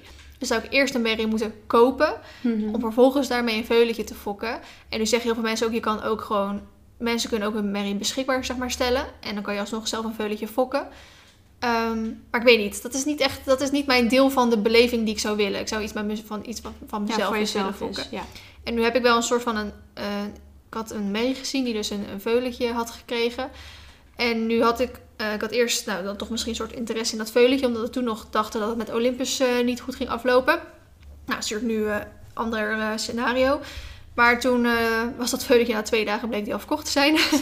en terwijl er nog stond van, nou, ik weet nog niet zo goed of ik hem zelf gehouden of niet. Dus ik dacht eerst, nou, ik wil niet gelijk... Oh, hup, veulen is eruit gepoept. Ik ga niet gelijk erop reageren. Ik wil hem hebben. Weet je wel, dacht eerst even gewoon een paar dagen zakken. Nou, toen bleek dat ik dus na twee dagen gewoon al te laat was. En toen heeft ze me dus haar merrie aangeboden. Omdat ze ook eigenlijk haar merrie wilde verkopen. En toen heb ik wel echt zitten twijfelen. Want denk ik, heb ik een Mhm. merrie... Zo, als ik hem eigenlijk wil, maar ik wil geen merrie. Ik wil eigenlijk gewoon weer een ruin. Ja. Maar met de merrie kan ik wel precies het veulentje fokken met wat ik zou Ja. willen. En daar heb ik toen wel over na zitten denken. Maar nu denk ik, ja, maar het gaat zo goed met Olympus. Dus er komt voorlopig geen paard bij. Maar inderdaad, als ik de paarden aan huis heb, dan zit ik te twijfelen. Maar aan de andere kant denk ik, wat moet ik met drie, vier paarden straks? Want dan, Ja. dan, dan ga ik een veuletje fokken om het veuletje fokken. Maar dan zit ik, Mhm. zit ik met een merrie, om het even ja, zo te zeggen. uiteindelijk wel, ja. Terwijl ik eigenlijk geen merrie wil hebben. Of dan heb ik die merrie en dan heb ik dat veuletje gefokt. En dan heb ik dus in totaal vier paarden. Dan denk ik, wat moet ik met vier paarden? Ja, Dus, en ik wil, eigenlijk willen we aan huis niet meer dan vier, vijf paarden hebben. En we willen eigenlijk ook twee pensioenklantjes erbij, weet je wel? Dat je toch altijd nog Ja. een beetje mensen bij je op stal hebt. Dat je samen dingen kan doen en zo. Dat je ook nog een beetje inkomsten eruit kan halen. Dus ik denk, ja, als ik zelf al vier paarden heb, dan gaat dat gewoon niet. ja, ik snap het wel. Want als je gewoon een merk koopt om voor het fokken... Ja, Ja, dat is toch iets anders dan dat je gewoon je eigen merk al zoveel jaren hebt... Ja. en daar dan nakomen Ja, precies. Ja. dus aan de ene kant wil ik het wel super graag. Maar ik weet, nog, ik weet niet of het ooit gaat gebeuren. Ja, zeg nooit nooit. Nee, dat is zeker waar. Eh, wat zou je afraden bij een hengst? Ik denk dat we daar redelijk kort op kunnen antwoorden. Dat je ehm, ja, eigenlijk afraden bij een hengst. Kijken naar je merrie, wat wil je? En Ja, dan niet per se daarnaar kijken. Kijk, Ja, en- af te raden is natuurlijk bijvoorbeeld als hij een heel slecht karakter heeft. ja of dat eh, inderdaad. dat soort dingen. Want wat je inderdaad ook het beste kan doen is gewoon... eh klinkt raar, maar vaak doen... Nou, niet vaak, maar... Het komt wel eens voor dat mensen dat niet doen. Maar als je een oogje hebt op een hengst, dat je gewoon even langs gaat. Ja. En dat je ziet, want het kan wel, je kan wel leuk op websites zetten. Ja, hij is heel eh, dit, dat. Mhm. Maar pas als je hem echt ziet, dan kan je echt pas ja, gewoon in het echt zien hoe hij zich gedraagt en hoe zijn karakter is. Dus Ja. als het inderdaad een heel. Ze kunnen wel zeggen, ja, hij is lief, maar en als je het bent en hij loopt je te bijten, of eh, hij is heel, hè, heel heet of heel vervelend, Mhm. ja, dat kan zomaar doorgegeven worden aan je Ja. veulen. Ja, precies. Eh, moet je veel doen als het paard drachtig is? Of gaat het wel een beetje vanzelf? Moet je veel doen? Nou, ja, weet je, het veulentje groeit vanzelf wel. Dat gaat allemaal, ja, in normale Mhm. omstandigheden is dat, eh, heb je er niet heel veel tijd aan. Alleen het is meer dat je wel gewoon ervoor zorgt dat je merrie voldoende beweging krijgt. En ook wel op tijd, dat je op tijd merkt dat het soms te veel wordt voor je merrie. Kijk, zus is iemand die het niet zo snel aangeeft als ze iets niet, eh, of als iets too much voor haar is. Maar ik weet van zus dat ze heel graag eh, een parcoursje wilt springen. En ik weet hoe het was volgens mij zeven maanden drachtig. En toen weigerde ze twee keer achter elkaar. En gewoon geen hooghindernissen. Hè? Gewoon Mhm. hele simpele kruisjes. Toen dacht ik, oké, dit is denk ik wel een teken van het wordt me echt gewoon te veel. En vanaf dat moment ben ik gewoon afgestapt. En toen heb ik haar voornamelijk gewoon een beetje gelongeerd. En ja, belast je Mary dan op een gegeven moment niet te veel. Maar je kan prima gewoon als jij aan het trainen bent met je Mary. Of eh, hè, het is gewoon een wedstrijdpaard. Kan je denk ik wel prima tot vijf, zes maanden gewoon je ding blijven doen. Maar let wel gewoon goed op de signalen van je. Ja. Want je merkt denk ik wel wanneer het echt te veel wordt. En Ja. hoe dikker haar buik wordt, ja, hoe zwaarder het natuurlijk wordt. Dus, Ja. eh, Dat vind ik wel een goede tip, inderdaad. Ehm, iemand vraagt: heb je tips voor een veulen van één jaar oud? eh, manieren te leren. Mijn veulen bijt mij. En daar wil ik dan bij aansluiten, want dat heb ik meerdere eh, vragen naar gekregen. Met wanneer begin je nou met je veulen dingen aan te leren? Eigenlijk vanaf dag 1, maar daar wil ik natuurlijk wel duidelijk bij vermelden. Eh, val je veulen er niet te veel mee lastig. Er is een soort regel dat je je veulentje drie keer in de week nou, kan oefenen met dingetjes, maar maximaal een kwartier of maximaal 10 minuutjes. Daar heb ik me ook heel strikt aan gehouden. Ik dacht van ja, die veulens die moeten nog gewoon een beetje kunnen spelen. En je wilt ze echt niet overbelasten, want Nee. anders gaan ze jou zien als iets negatiefs. En Ja. dat wil je natuurlijk niet. Eh, vanaf één jaar en ze is gaan bijten. Ja. Of, ehm, Ja, eh, nou ja, haar, paard, haar veulen van één jaar oud, eh, die eh, bijt. dus ze vroeg of ze daar tips voor, Oh, ja. tips voor had. Ja, ik vind het lastig om zo te beoordelen in plaats van het veulentje echt te zien. Ik weet wel dat Ax had er ook een keer zo'n fase. Dus heb ik haar gewoon wel echt één keer goed gecorrigeerd op de neus. Je moet trouwens nooit een veulen op, bij de, tussen, tussen de ogen, bij het hoofdkopje, een tikje geven. Want dan heb je natuurlijk ook een kans dat ze kopschuw worden. Mhm. Dus let daar goed op. dus ik gaf er gewoon één keer wel echt een tik op de neus. En toen was het al heel snel afgeleerd. Dus ja, wat je kan doen is gewoon corrigeren en laten zien dat jij wel de baas bent. Wat je ook anders kan doen is gewoon negeren of omdraaien. Ehm, ja, ik weet eigenlijk niet dan waar dat ged- gedrag dan misschien vandaan komt. Maar ja, je moet gewoon even kijken of een van die twee methodes eh, Ja. werkt of niet. Mhm. Dus of gewoon negeren of gewoon corrigeren. Oké, en vinden jullie het beter om je veulen naar een opfok te doen of al met dingen te oefenen? Hmm, Ik dat, dat, ja, ik, ik, Ik, weet denk niet of eerder echt- of gewoon bij jezelf houden een pensioenstal soort van of een opfok. En een opfok gewoon laten staan. En Mhm. eh, ja, wat beter was. Nou, ja, wat onze mening is. Nou, mijn Mening, mening, is... ik heb er geen ervaring mee, dat natuurlijk als eerste. Eh, maar ik zou het fijn vinden. Kijk, als ik zelf of ik zou fokken en die zou bij mij aan huis staan... dan, ehm, weet je, dan blijft hij daar gewoon staan. Weet je, dan ga ik hem niet Ja. naar de opfok sturen of zo. Maar wat mijn mening is als een veulentje... als ik hem wel naar de opfok zou sturen... zou ik hem graag ergens willen hebben... waar je met verschillende leeftijden Ja. staat. Ehm, ik ben ooit bij Lelymeerhorses in Lelystad langs geweest. Ik wilde daar ooit een video opnemen. Dat, is, dat hebben we eigenlijk nooit meer doorgepakt toen. En die had inderdaad een soort weiland waar gewoon allemaal verschillende paarden door elkaar stonden. En ik zou super graag willen dat mijn veulen dan met leeftijdsgenootjes kan spelen. Maar dat er ook toch wel een bepaalde rangorde in de kudde is. Dat de oudere paarden ook een beetje de veuletjes in toom houden, weet je wel. Al wat manieren leren, zeg maar. En daar zullen vast ook duizend en één verschillende gedachten over gaan. En ik denk ook niet per se dat ook echt dingen fout zijn of zo. Nee. Eh, absoluut niet. Maar dat zou mijn voorkeur hebben. Ja. ja, die van mij eigenlijk ook. Ehm, ik heb al vrij snel inderdaad de vraag gekregen: ga je actie naar de opfok doen of eh, hou je er gewoon op stal? Ja, dat verschilt echt per situatie. Want als jij inderdaad eh, uiteindelijk voor de sport wil, of dan, dan is het eigenlijk wel logisch als je die gewoon even op de opfok en je haalt hem over drie, vier jaar op Ja. en, je, en je pakt het op met trainen. Ja, Maar als je omdat- bijvoorbeeld op een pensioenstal staat. Want ik ken ook veel mensen die aan sport doen, maar die hebben de paarden gewoon thuis. Ja. Weet je wel, en dan is het gewoon, nou dan blijven ze gewoon lekker thuis eh, tussen de kudde ja, lopen. dat kan inderdaad ook. Ja. Ja. en bij mij was, ik had gewoon een hele ideale situatie eigenlijk voor Ax. Want ze kon op een groot weiland lopen heen en weer met, eh, nou, met zus dan en uiteindelijk met eh, James, dat is de Shetlander. En naast dat weiland had je ook meerdere paddocks waar iedere dag andere paarden in stonden. Dus ik vond het heel belangrijk dat ze en 24-7 beweging zou krijgen. En inderdaad met verschillende leeftijdsgenoten.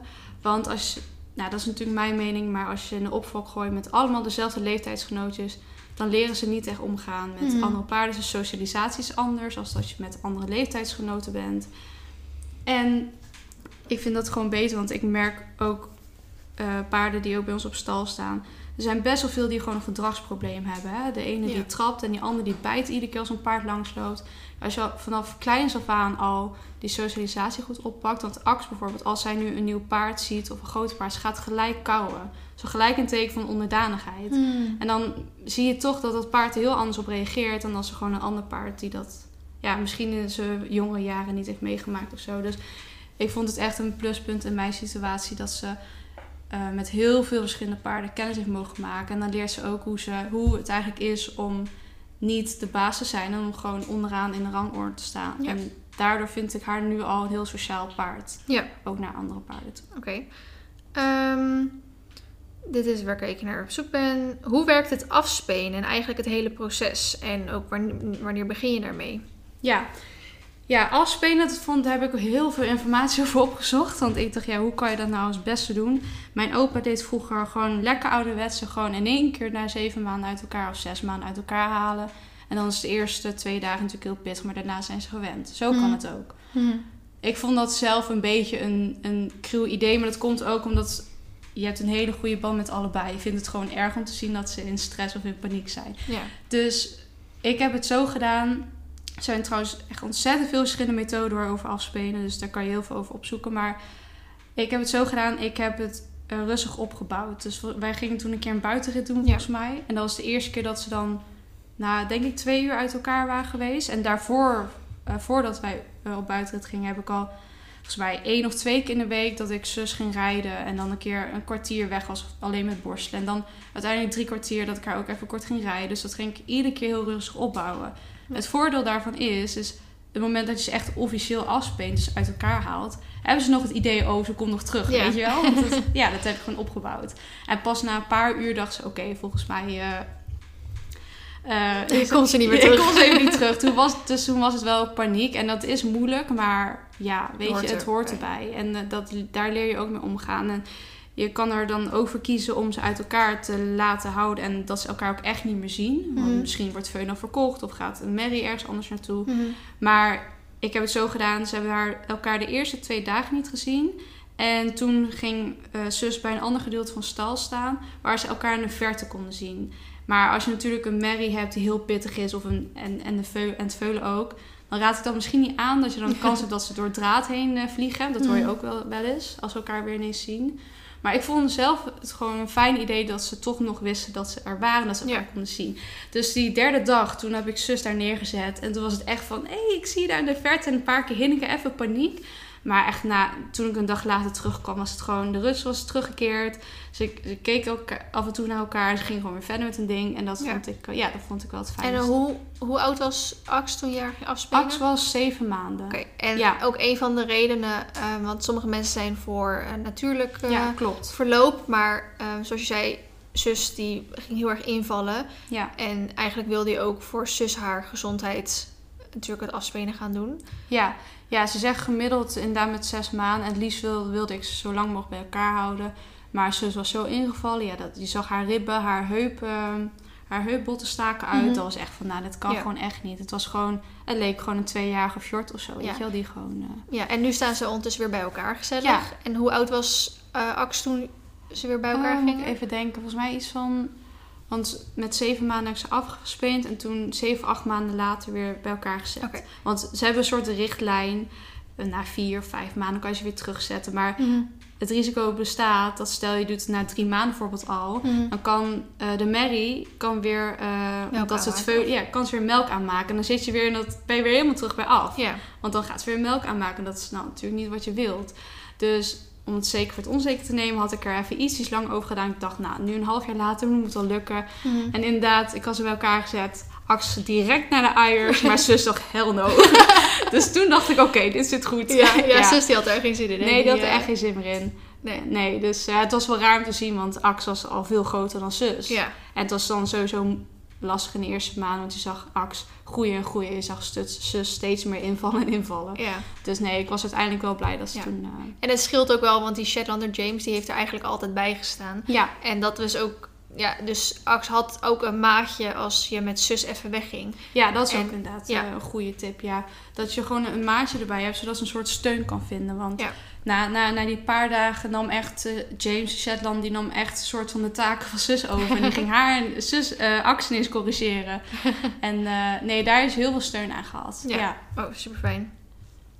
als je een veulentje wil fokken, kan je dan bepalen of het, een, of het eventing gebouwd wordt. Nou, ik denk dat dat ook weer heeft te maken met het soort paard, de merrie waarmee je gaat fokken. En het soort paard wat je er graag uit wil laten komen. Ja. Ik, er zal vast een bepaalde richtlijn, heeft waar, richtlijn zijn waar het perfecte eventingpaard aan voldoet. Maar ik denk als je alle eventingpaarden die in de top lopen naast elkaar zetten, dat ze ook allemaal nog super erg zullen verschillen. Eh, het zal vaak om vermogen en om karakter gaan eh, in plaats van de bouw van een paard. Mhm. Eh, dus ik denk, als je graag een eventingpaard wil fokken, dan kan je het beste eentje, denk ik, zoeken die hoge resultaten daarin heeft gehaald. Zodat hij het heeft bewezen dat hij het kan. En natuurlijk, er, zullen ook, er zal inderdaad ook een bepaalde bouw zijn van het paard, wat misschien wat meer geschikt is voor die eventing. Ehm, maar daar heb ik verder niet zoveel verstand van. Maar ik denk dat je daar ja, eerder naar moet zoeken dan. ja, dat denk ik ook. Ehm, wat voor plek raad je aan om je paard te laten bevallen als je je paarden niet aan huis hebt staan? Niet aan huis. Ehm, ja, ik ben zelf wel meer voorstander van dat 24-7, hè, weidegang, alle ruimte. Dus mijn voorkeur lag wel echt eh, uit aan niet in, een, niet in een stal, maar Mhm. gewoon in een inloopschuur. Maar dat moet natuurlijk wel in je mogelijkheden liggen of in je omgeving of, of op je stal. Dus als je die mogelijkheid hebt, nou, dat lijkt me echt, dat vond ik heel fijn. Toen dacht ik van, nou, zus kan zelf bepalen of ze of buiten of binnen wil bevallen. Weet je, ze is niet beperkt in, in iets of zo. Mhm. Maar wat, was voor jou de keuze? Want je hebt ook van die stallen waar mensen hun drachtige merrie naartoe brengen. Om daar met allemaal camera's en zo Ja, hun, eh, ja. natuurlijk een paard te laten bevallen. Maar jij dacht, nee, dat is gewoon lekker... eh, Ja, Lekker omdat thuis. ik, ja, het is natuurlijk al, weet je, een dracht is altijd een risico. En ik wist ook wel, ik weet van zus van vroeger, dus daar heb ik het voordeel aan. Zus wachtte altijd tot ze alleen was. Want mijn opa die kwam een keer 7 uur 's ochtends, weet ik nog heel goed, want toen was ik daar ook dat weekend. Ging er om 7 uur 's ochtends even kijken. En ze was een beetje onrustig aan het doen. Dus hij was even vijf minuten bleven nou, aankijken wat, nou, hoe het ging. Maar er gebeurde verder niks. Zij ging gewoon terug naar binnen, ging een krantje lezen, een kop koffie drinken. En een half uurtje later kwam hij terug en het veulen liep al rond. en dat is niet één keer gebeurd, dat is voor mij drie keer gebeurd. Dat, dat iedere keer zodra mijn opa wegging, ging ze bevallen. En mijn opa had wel een geboortesingel. Dus hij is volgens mij wel twee keer zelf bij geweest. En drie keer heeft zus het helemaal alleen gedaan. Dus ik wist van zus dat zij gewoon alleen wilde zijn. Ja. Ehm, ik moet wel zeggen dat ik zelf een beetje laks was in... Ik had het liefst een geboortesingle willen hebben. Zou ik hem hè, een beetje op de hoogte was. Maar zus was ook iemand die heel vaak plat lag. Dus heel vaak eh, vals alarm eh, vroeger. Mhm.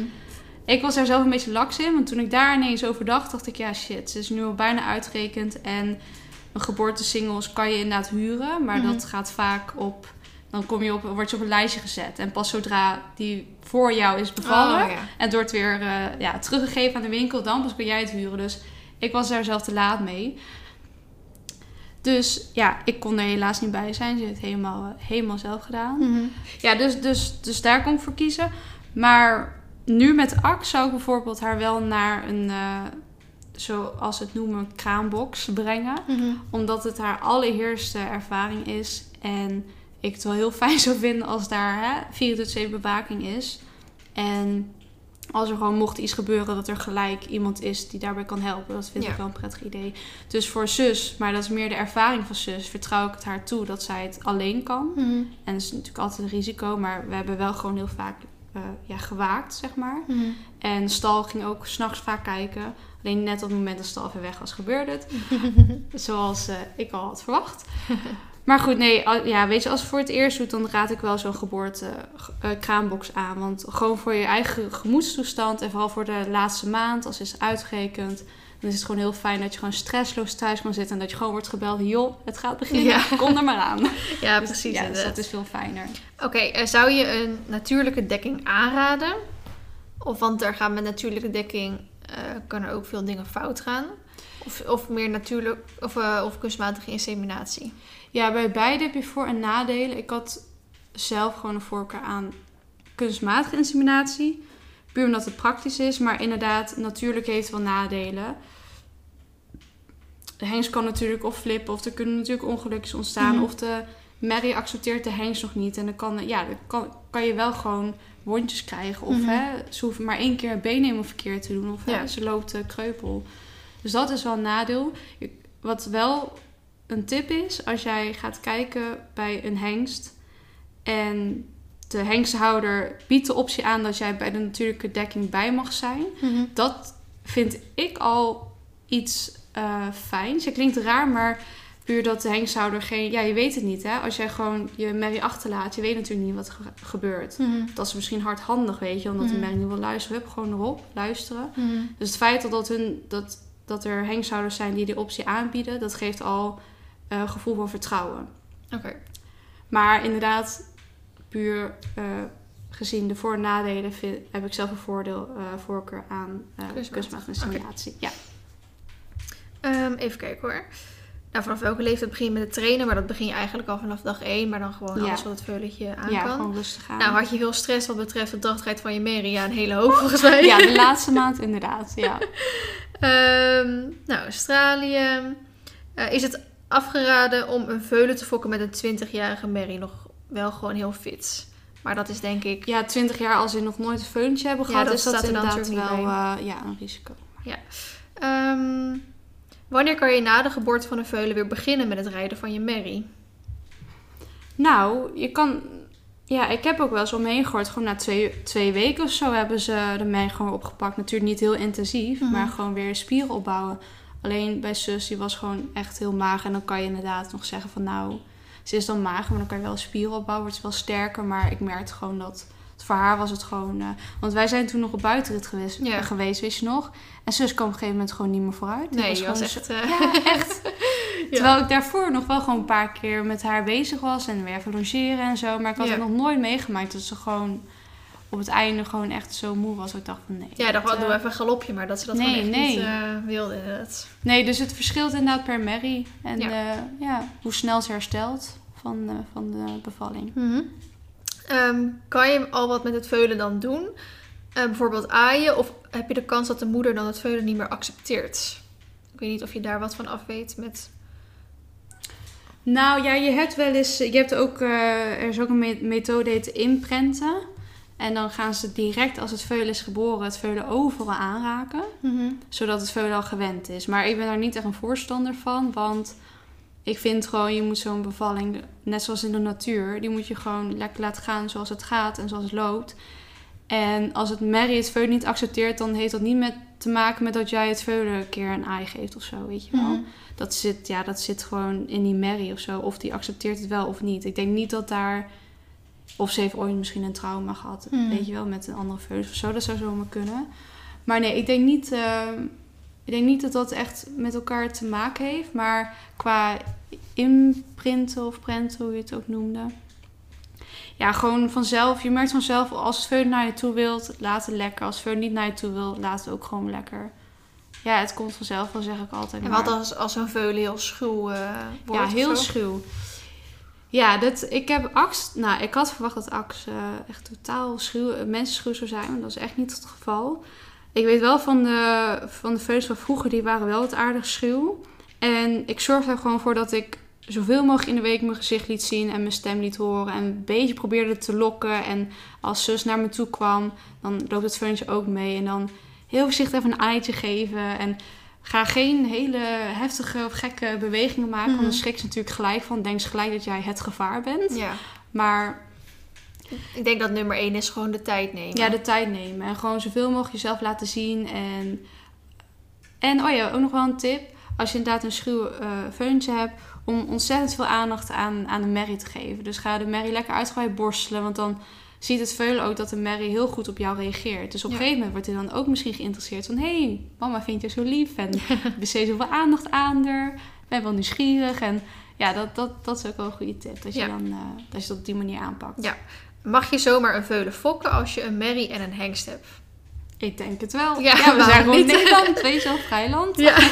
Ja. Ja, het enige is ehm, dat je heel erg moet rekening houden of je hem zelf wil gaan houden of niet. Want je kan wel allerlei gekke kruisingen door elkaar gaan gooien. Alleen ja, om hem dan te verkopen is wel een stukje lastiger vaak eh, dan dat je wel gewoon iets eh, met papier of zo eh, hebt gefokt. Dus ja, je mag, je mag gewoon lekker kruisen en doen wat je wil. Ja, en we hadden ook inderdaad een vraag gekregen van... mag je een Shetlander met een Fries kruisen? nou, is misschien eerste, mag. ja, het mag.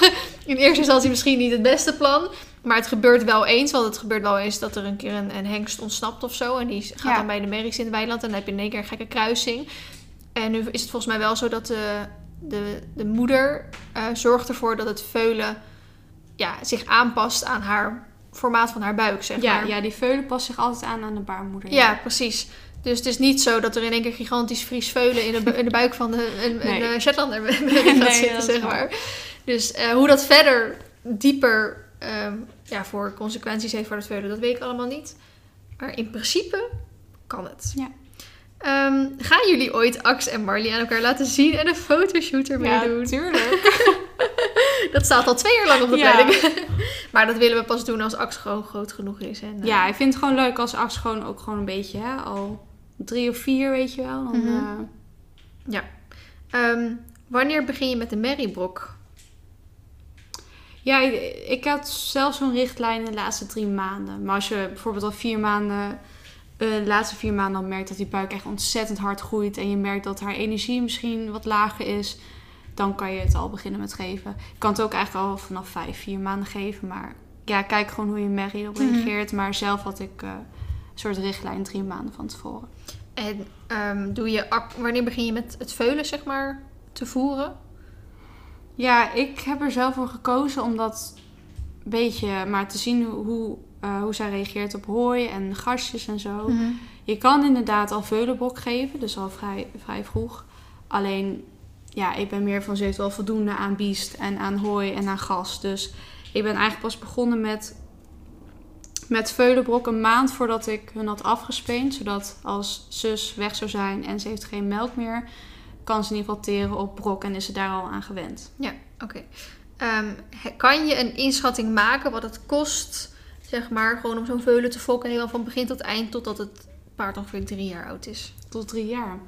Schatting. Zonder alle dierenartskosten. Ja, zonder alle zonder de, de onnodige, tussen de Ehm, ongeplande Ja, dierenartskosten. dekgeld, de ontwormen, ehm, inentingen, uiteindelijk ook de stalling.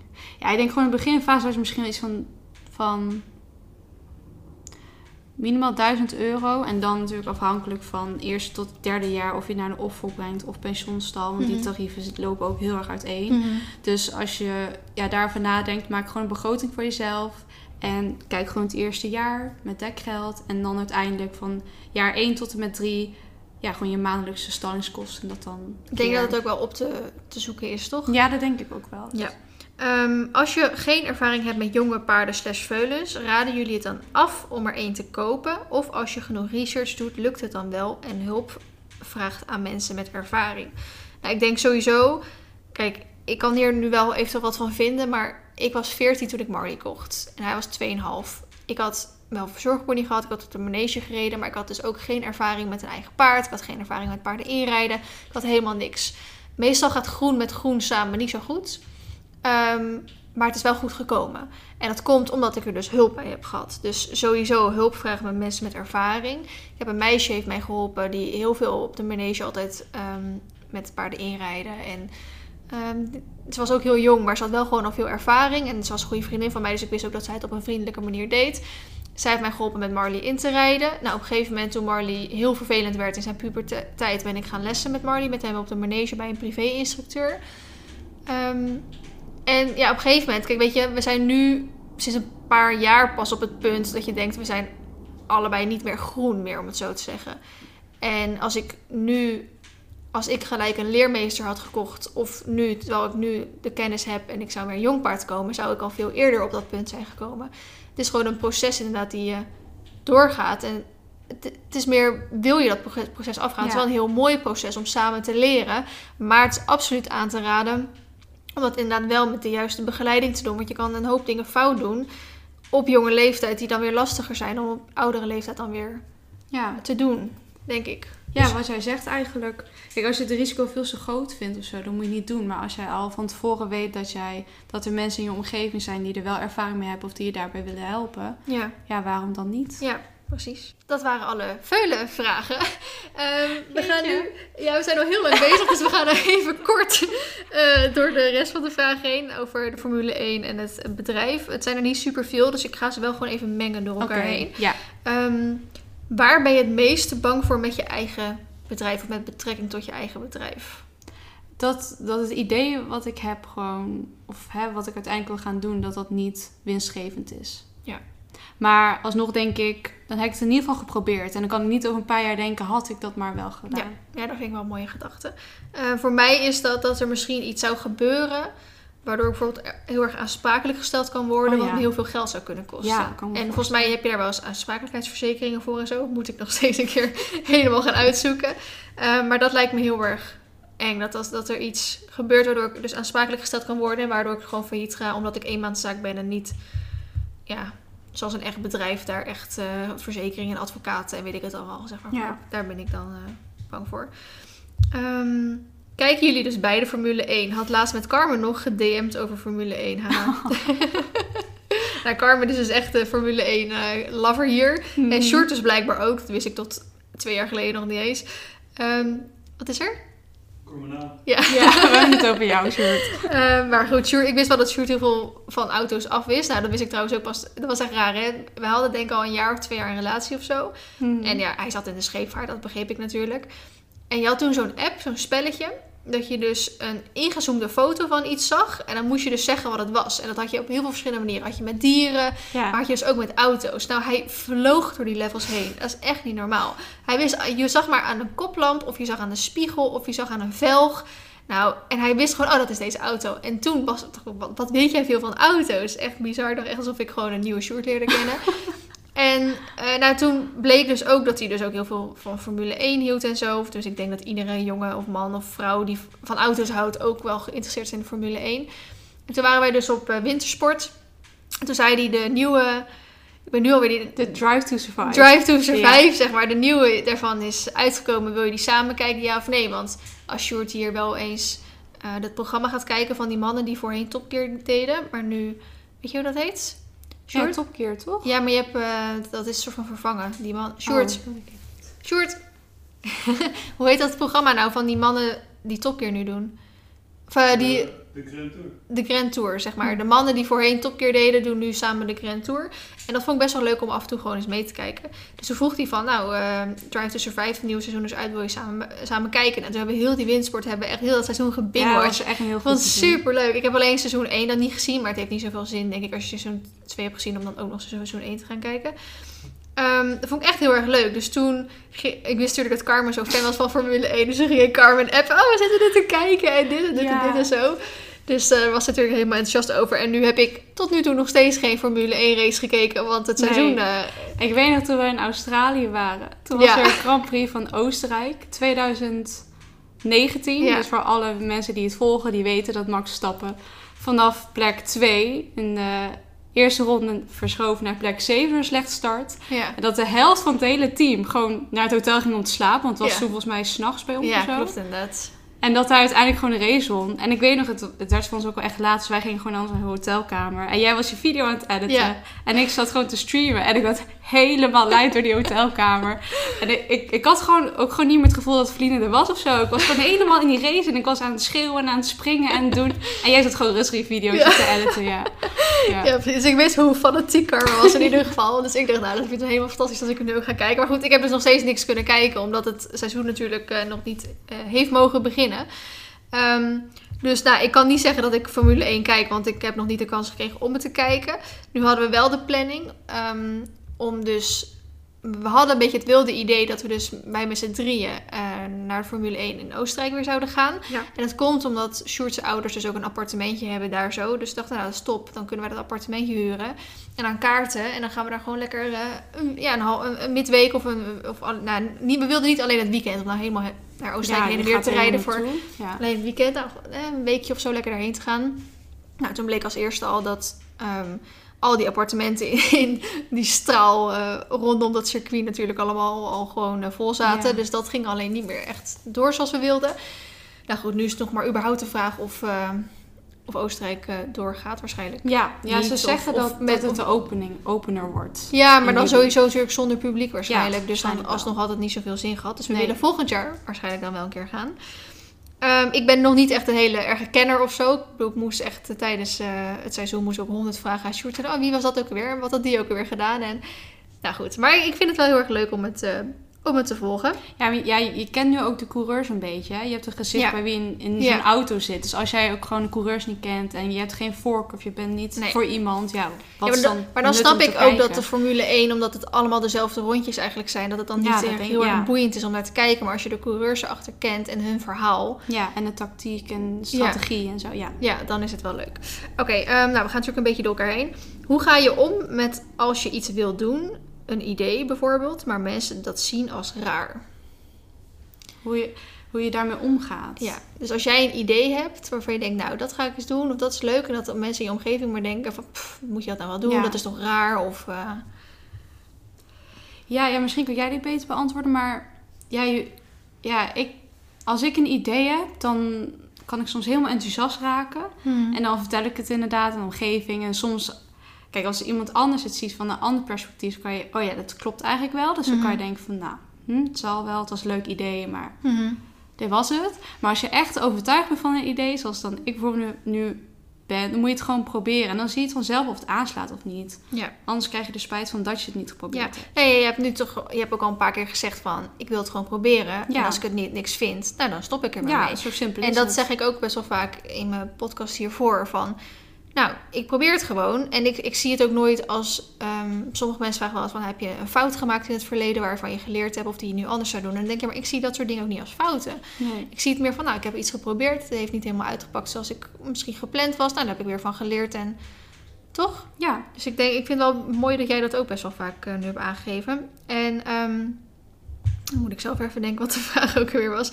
Nou ja, ehm, nou, ik heb best wel vaak eigenlijk dat mensen dingen, vooral in het begin, toen, ik, eh, toen YouTube echt nog mijn hobby was en ik er bezig was mijn werk van te maken. Kijk, tuurlijk, toen vonden heel veel mensen dingen raar.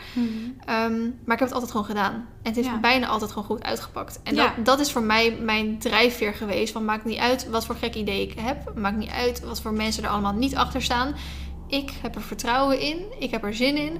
Dus ik ga ook gewoon, ik ga het gewoon doen. En negen- ja, eigenlijk 99 van de 100 keer pakt het allemaal gewoon goed Ja. uit. En dan zegt iedereen van, oh, het was toch wel, blijkbaar wel een goed idee. Of, oh, gelukkig fijn dat je niet naar mij geluisterd hebt.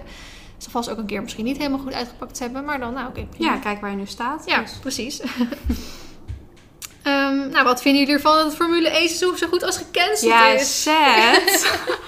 Jongen, ik heb er echt moeite mee hoor. Ja. Ja, ja, je kijkt maar races terug. Ja, meer kan je niet doen of zo. Weet Ja. je wel? Je kijkt herhalingen terug. Zo, zo ver ben ik dan niet. Maar nee, goed, nee, Sjoerd- ja, ik het wel. Ja, het is echt niet, gezond, maar goed. Nee. Ja, het is heel jammer. Ja, je kan natuurlijk niks aan doen. Hetzelfde geldt voor als jij voetbal volgt. Ja, dat is ook nu even eh, niet. Ja. Het enige wat je kan doen is afwachten en hopen dat het zo snel mogelijk begint. Ja, en jij had kaartjes weer, voor eh, Spa. Ja, ik had eh, kaartjes voor België, Spa. Dat is eind augustus. Nou, die kans dat daar publiek bij mag zijn is natuurlijk heel klein. Dus ik heb me mentaal al voorbereid dat, eh, ja, dat we een mail gaan krijgen of een foutje of zo. Weet je wel, hopelijk voor volgend jaar. Mhm. Ja, ik baal er echt heel erg veel van. Maar ja, weet je, je kan er niks aan veranderen. Dus ja. Nee. En eh, ik kreeg ook vragen van, gaan wij naar de, naar de race in eh, Nederland? Zandvoort. Nou, Ja. gaat natuurlijk sowieso niet door. Nee. Ehm, was die eigenlijk al geweest Ja, ondertussen? Nou, hij is uitgesteld. Hij is nog niet officieel gecanceld, Oh, de race in Zandvoort. Ik zou er wel naartoe gaan, maar voor werk in de horeca. Maar Mhm. dat is dan nu ook niet doorgegaan. Dus het is een beetje afwachten of het wordt uitgesteld of echt gecanceld. Dat is nog niet... eh, Ja. Nu staat hij op uitgesteld, maar even, ja, dat horen we vanzelf wel. Ze zeggen dat er volgende week een, een voorlopige planning komt en dat ze in Europa Oh, beginnen, zonder publiek. Oh, oké. Ja, oké. nou goed, snap ik wel. Maar nou goed, kijk, dat jij je wat fanatieker bent om graag naar Zandvoort te willen, dat snappen we natuurlijk allemaal. Maar ik heb niet zoiets van, ik wil er per se bij zijn. Maar dat komt meer omdat ehm, er zijn zo vreselijk veel fans in Nederland die daar graag heen zouden willen. En dan denk ik, ja, waarom zou ik als iemand die niet eens per se super grote fan is... ehm, en die ook pas net in het wereldje komen kijken... waarom zou ik dan daarheen gaan? Want dan heb ik heb een beetje het idee dat ik dan een plekje bezet hou van een mega fan, snap je? Ja. En dan denk ik, ga jullie maar lekker eerst. Jullie hebben al weet ik voor hoeveel jaren gewacht Ja. voordat, voordat het circuit in Zandvoort weer open gaat. Ik ga wel over vijf of tien jaar of zo, als ik dan nog steeds eh, een beetje Formule 1 volg en zo. Dan denk ik, weet je, dan ga ik wel. Dus ik denk van, nou, ik hoef niet per se erheen te gaan, want laat maar gewoon de echte fans eerst lekker gaan. Mhm. Zoals Carmen. laat die maar eerst allemaal gaan. Ja, het is wel lekker praktisch hoor, lekker Nederland. Dus als je Ja, het ooit een keer wil ervaren, kan je er wel naartoe gaan. Ja. Ja. Ja, maar ook het, het feit... Ik weet je, binnen een kwartier of zo waren de kaarten uitverkocht. Ja, eh, toch? Dus dan denk ik, ja, ik, ik heb ook niet zoveel zin om daar echt... eh, Ja, maar er wordt een drama logistiek gezien hoor. Want er komen duizenden mensen met de fiets en dan met de trein en dan weer lopend. Ja, Ja, nou goed. wij gaan gewoon met ons paard en dan gaan we ergens op het Ja, strand. dat is- dat ergens een gewoon goeie. verder wegrijden En we zijn, het gewoon, paard. nee, we zijn rijden gewoon een buitenrit. ja. Eh, wat voor invloed heeft corona op jullie werk? ja, op mij eh, best wel veel. Want wat ik net noemde, dat ik dan in Zandvoort zou gaan werken in de horeca. Ik werk ook bij een soort uitzendbureau, maar ik werkte al zo lang dat ik een soort van vaste functie heb. als barhoofd. En dan werk ik eigenlijk bij festivals, bij eh, voetbalwedstrijden in het bij concerten in het Gelredom. Dus ook festivals in de zomer en onder andere ook eh, eh, Formule 1 race van Zandvoort. Alleen nu door de corona is die failliet gegaan.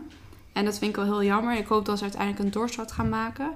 Daarnaast bij mijn andere baan heb ik eigenlijk een vier uur contract, maar gemiddeld werkte ik daar 35 uur in de week.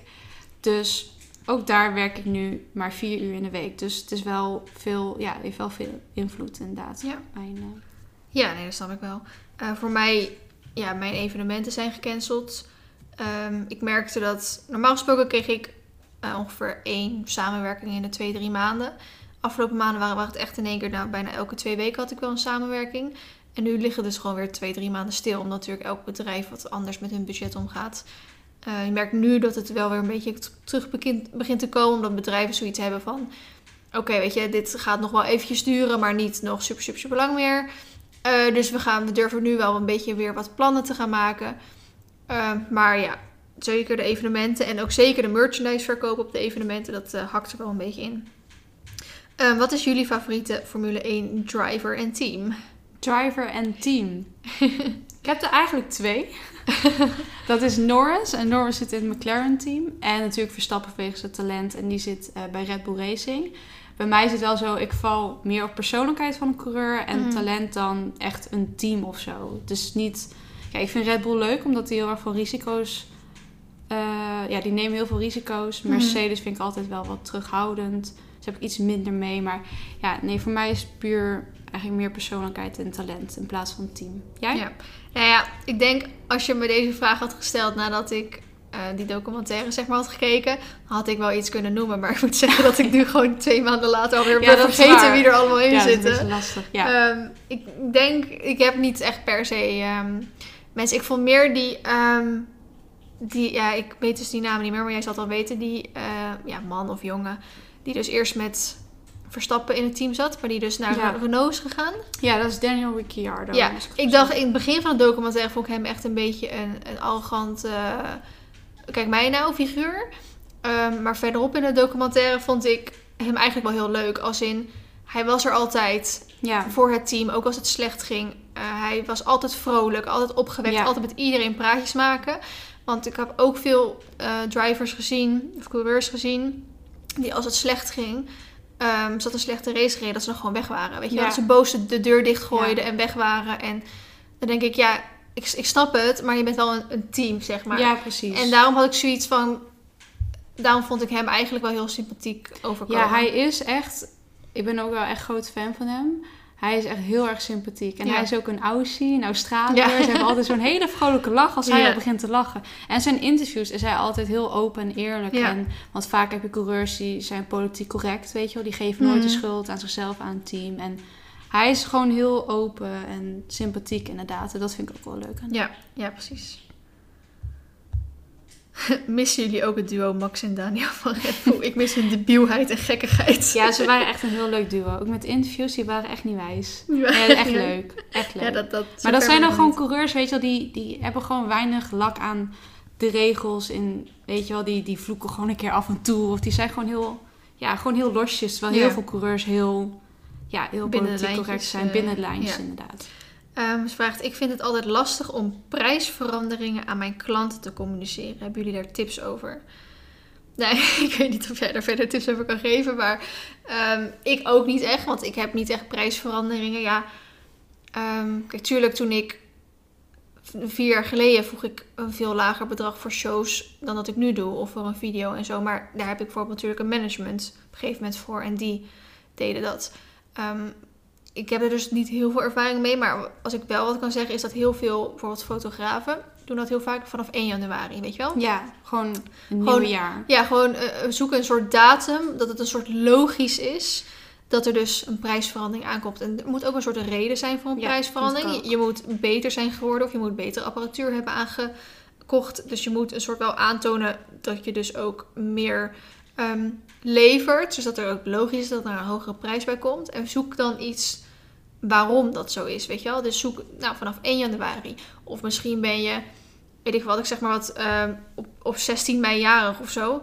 En dan zeg je, nou, dit laatste weekend, allerlaatste weekend, eh, misschien nog met extra korting voor mijn verjaardag, want daarna gaan de prijzen omhoog, weet je wel? Ja.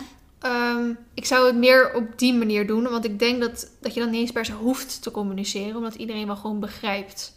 Ja. En als ze het niet begrijpen, dan zijn het vervelende klanten. Ja. ja, nee, ja, ik heb bijvoorbeeld dan nu gewoon een starterstarief. En ik denk ook van, het is niet realistisch dat ik nu een heel hoog bedrag ga vragen. Want ik moet ook gewoon ervaring opdoen. Ja.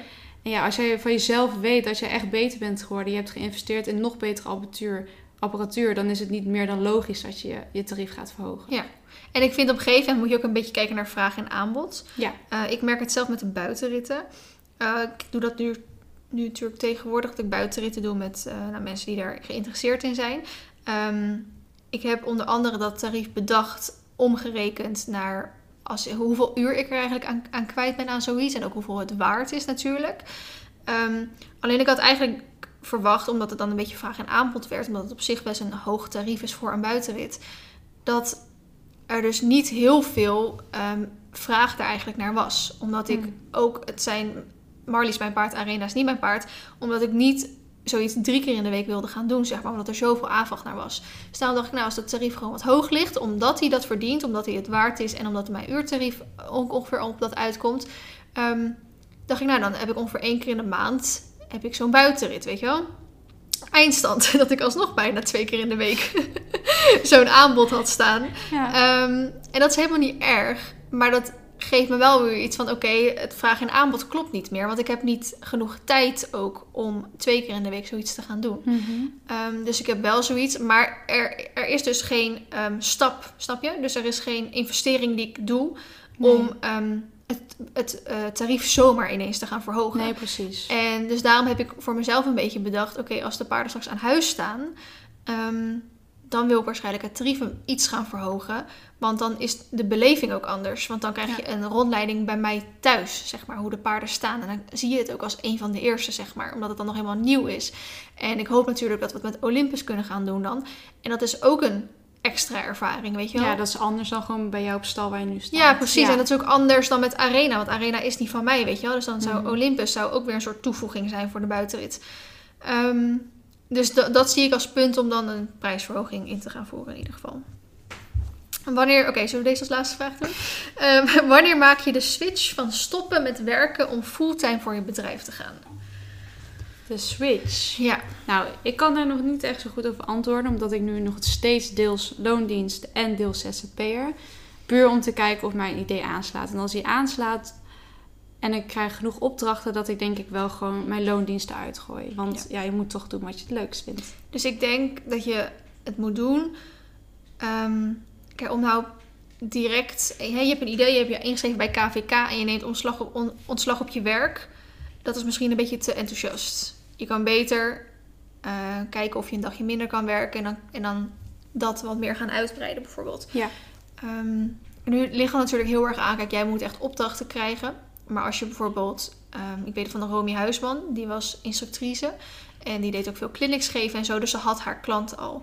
Alleen ehm, ze kon het nu meer gaan doen. Dus ze kon ook meer klanten gaan aannemen. En ze had natuurlijk de, het netwerk al.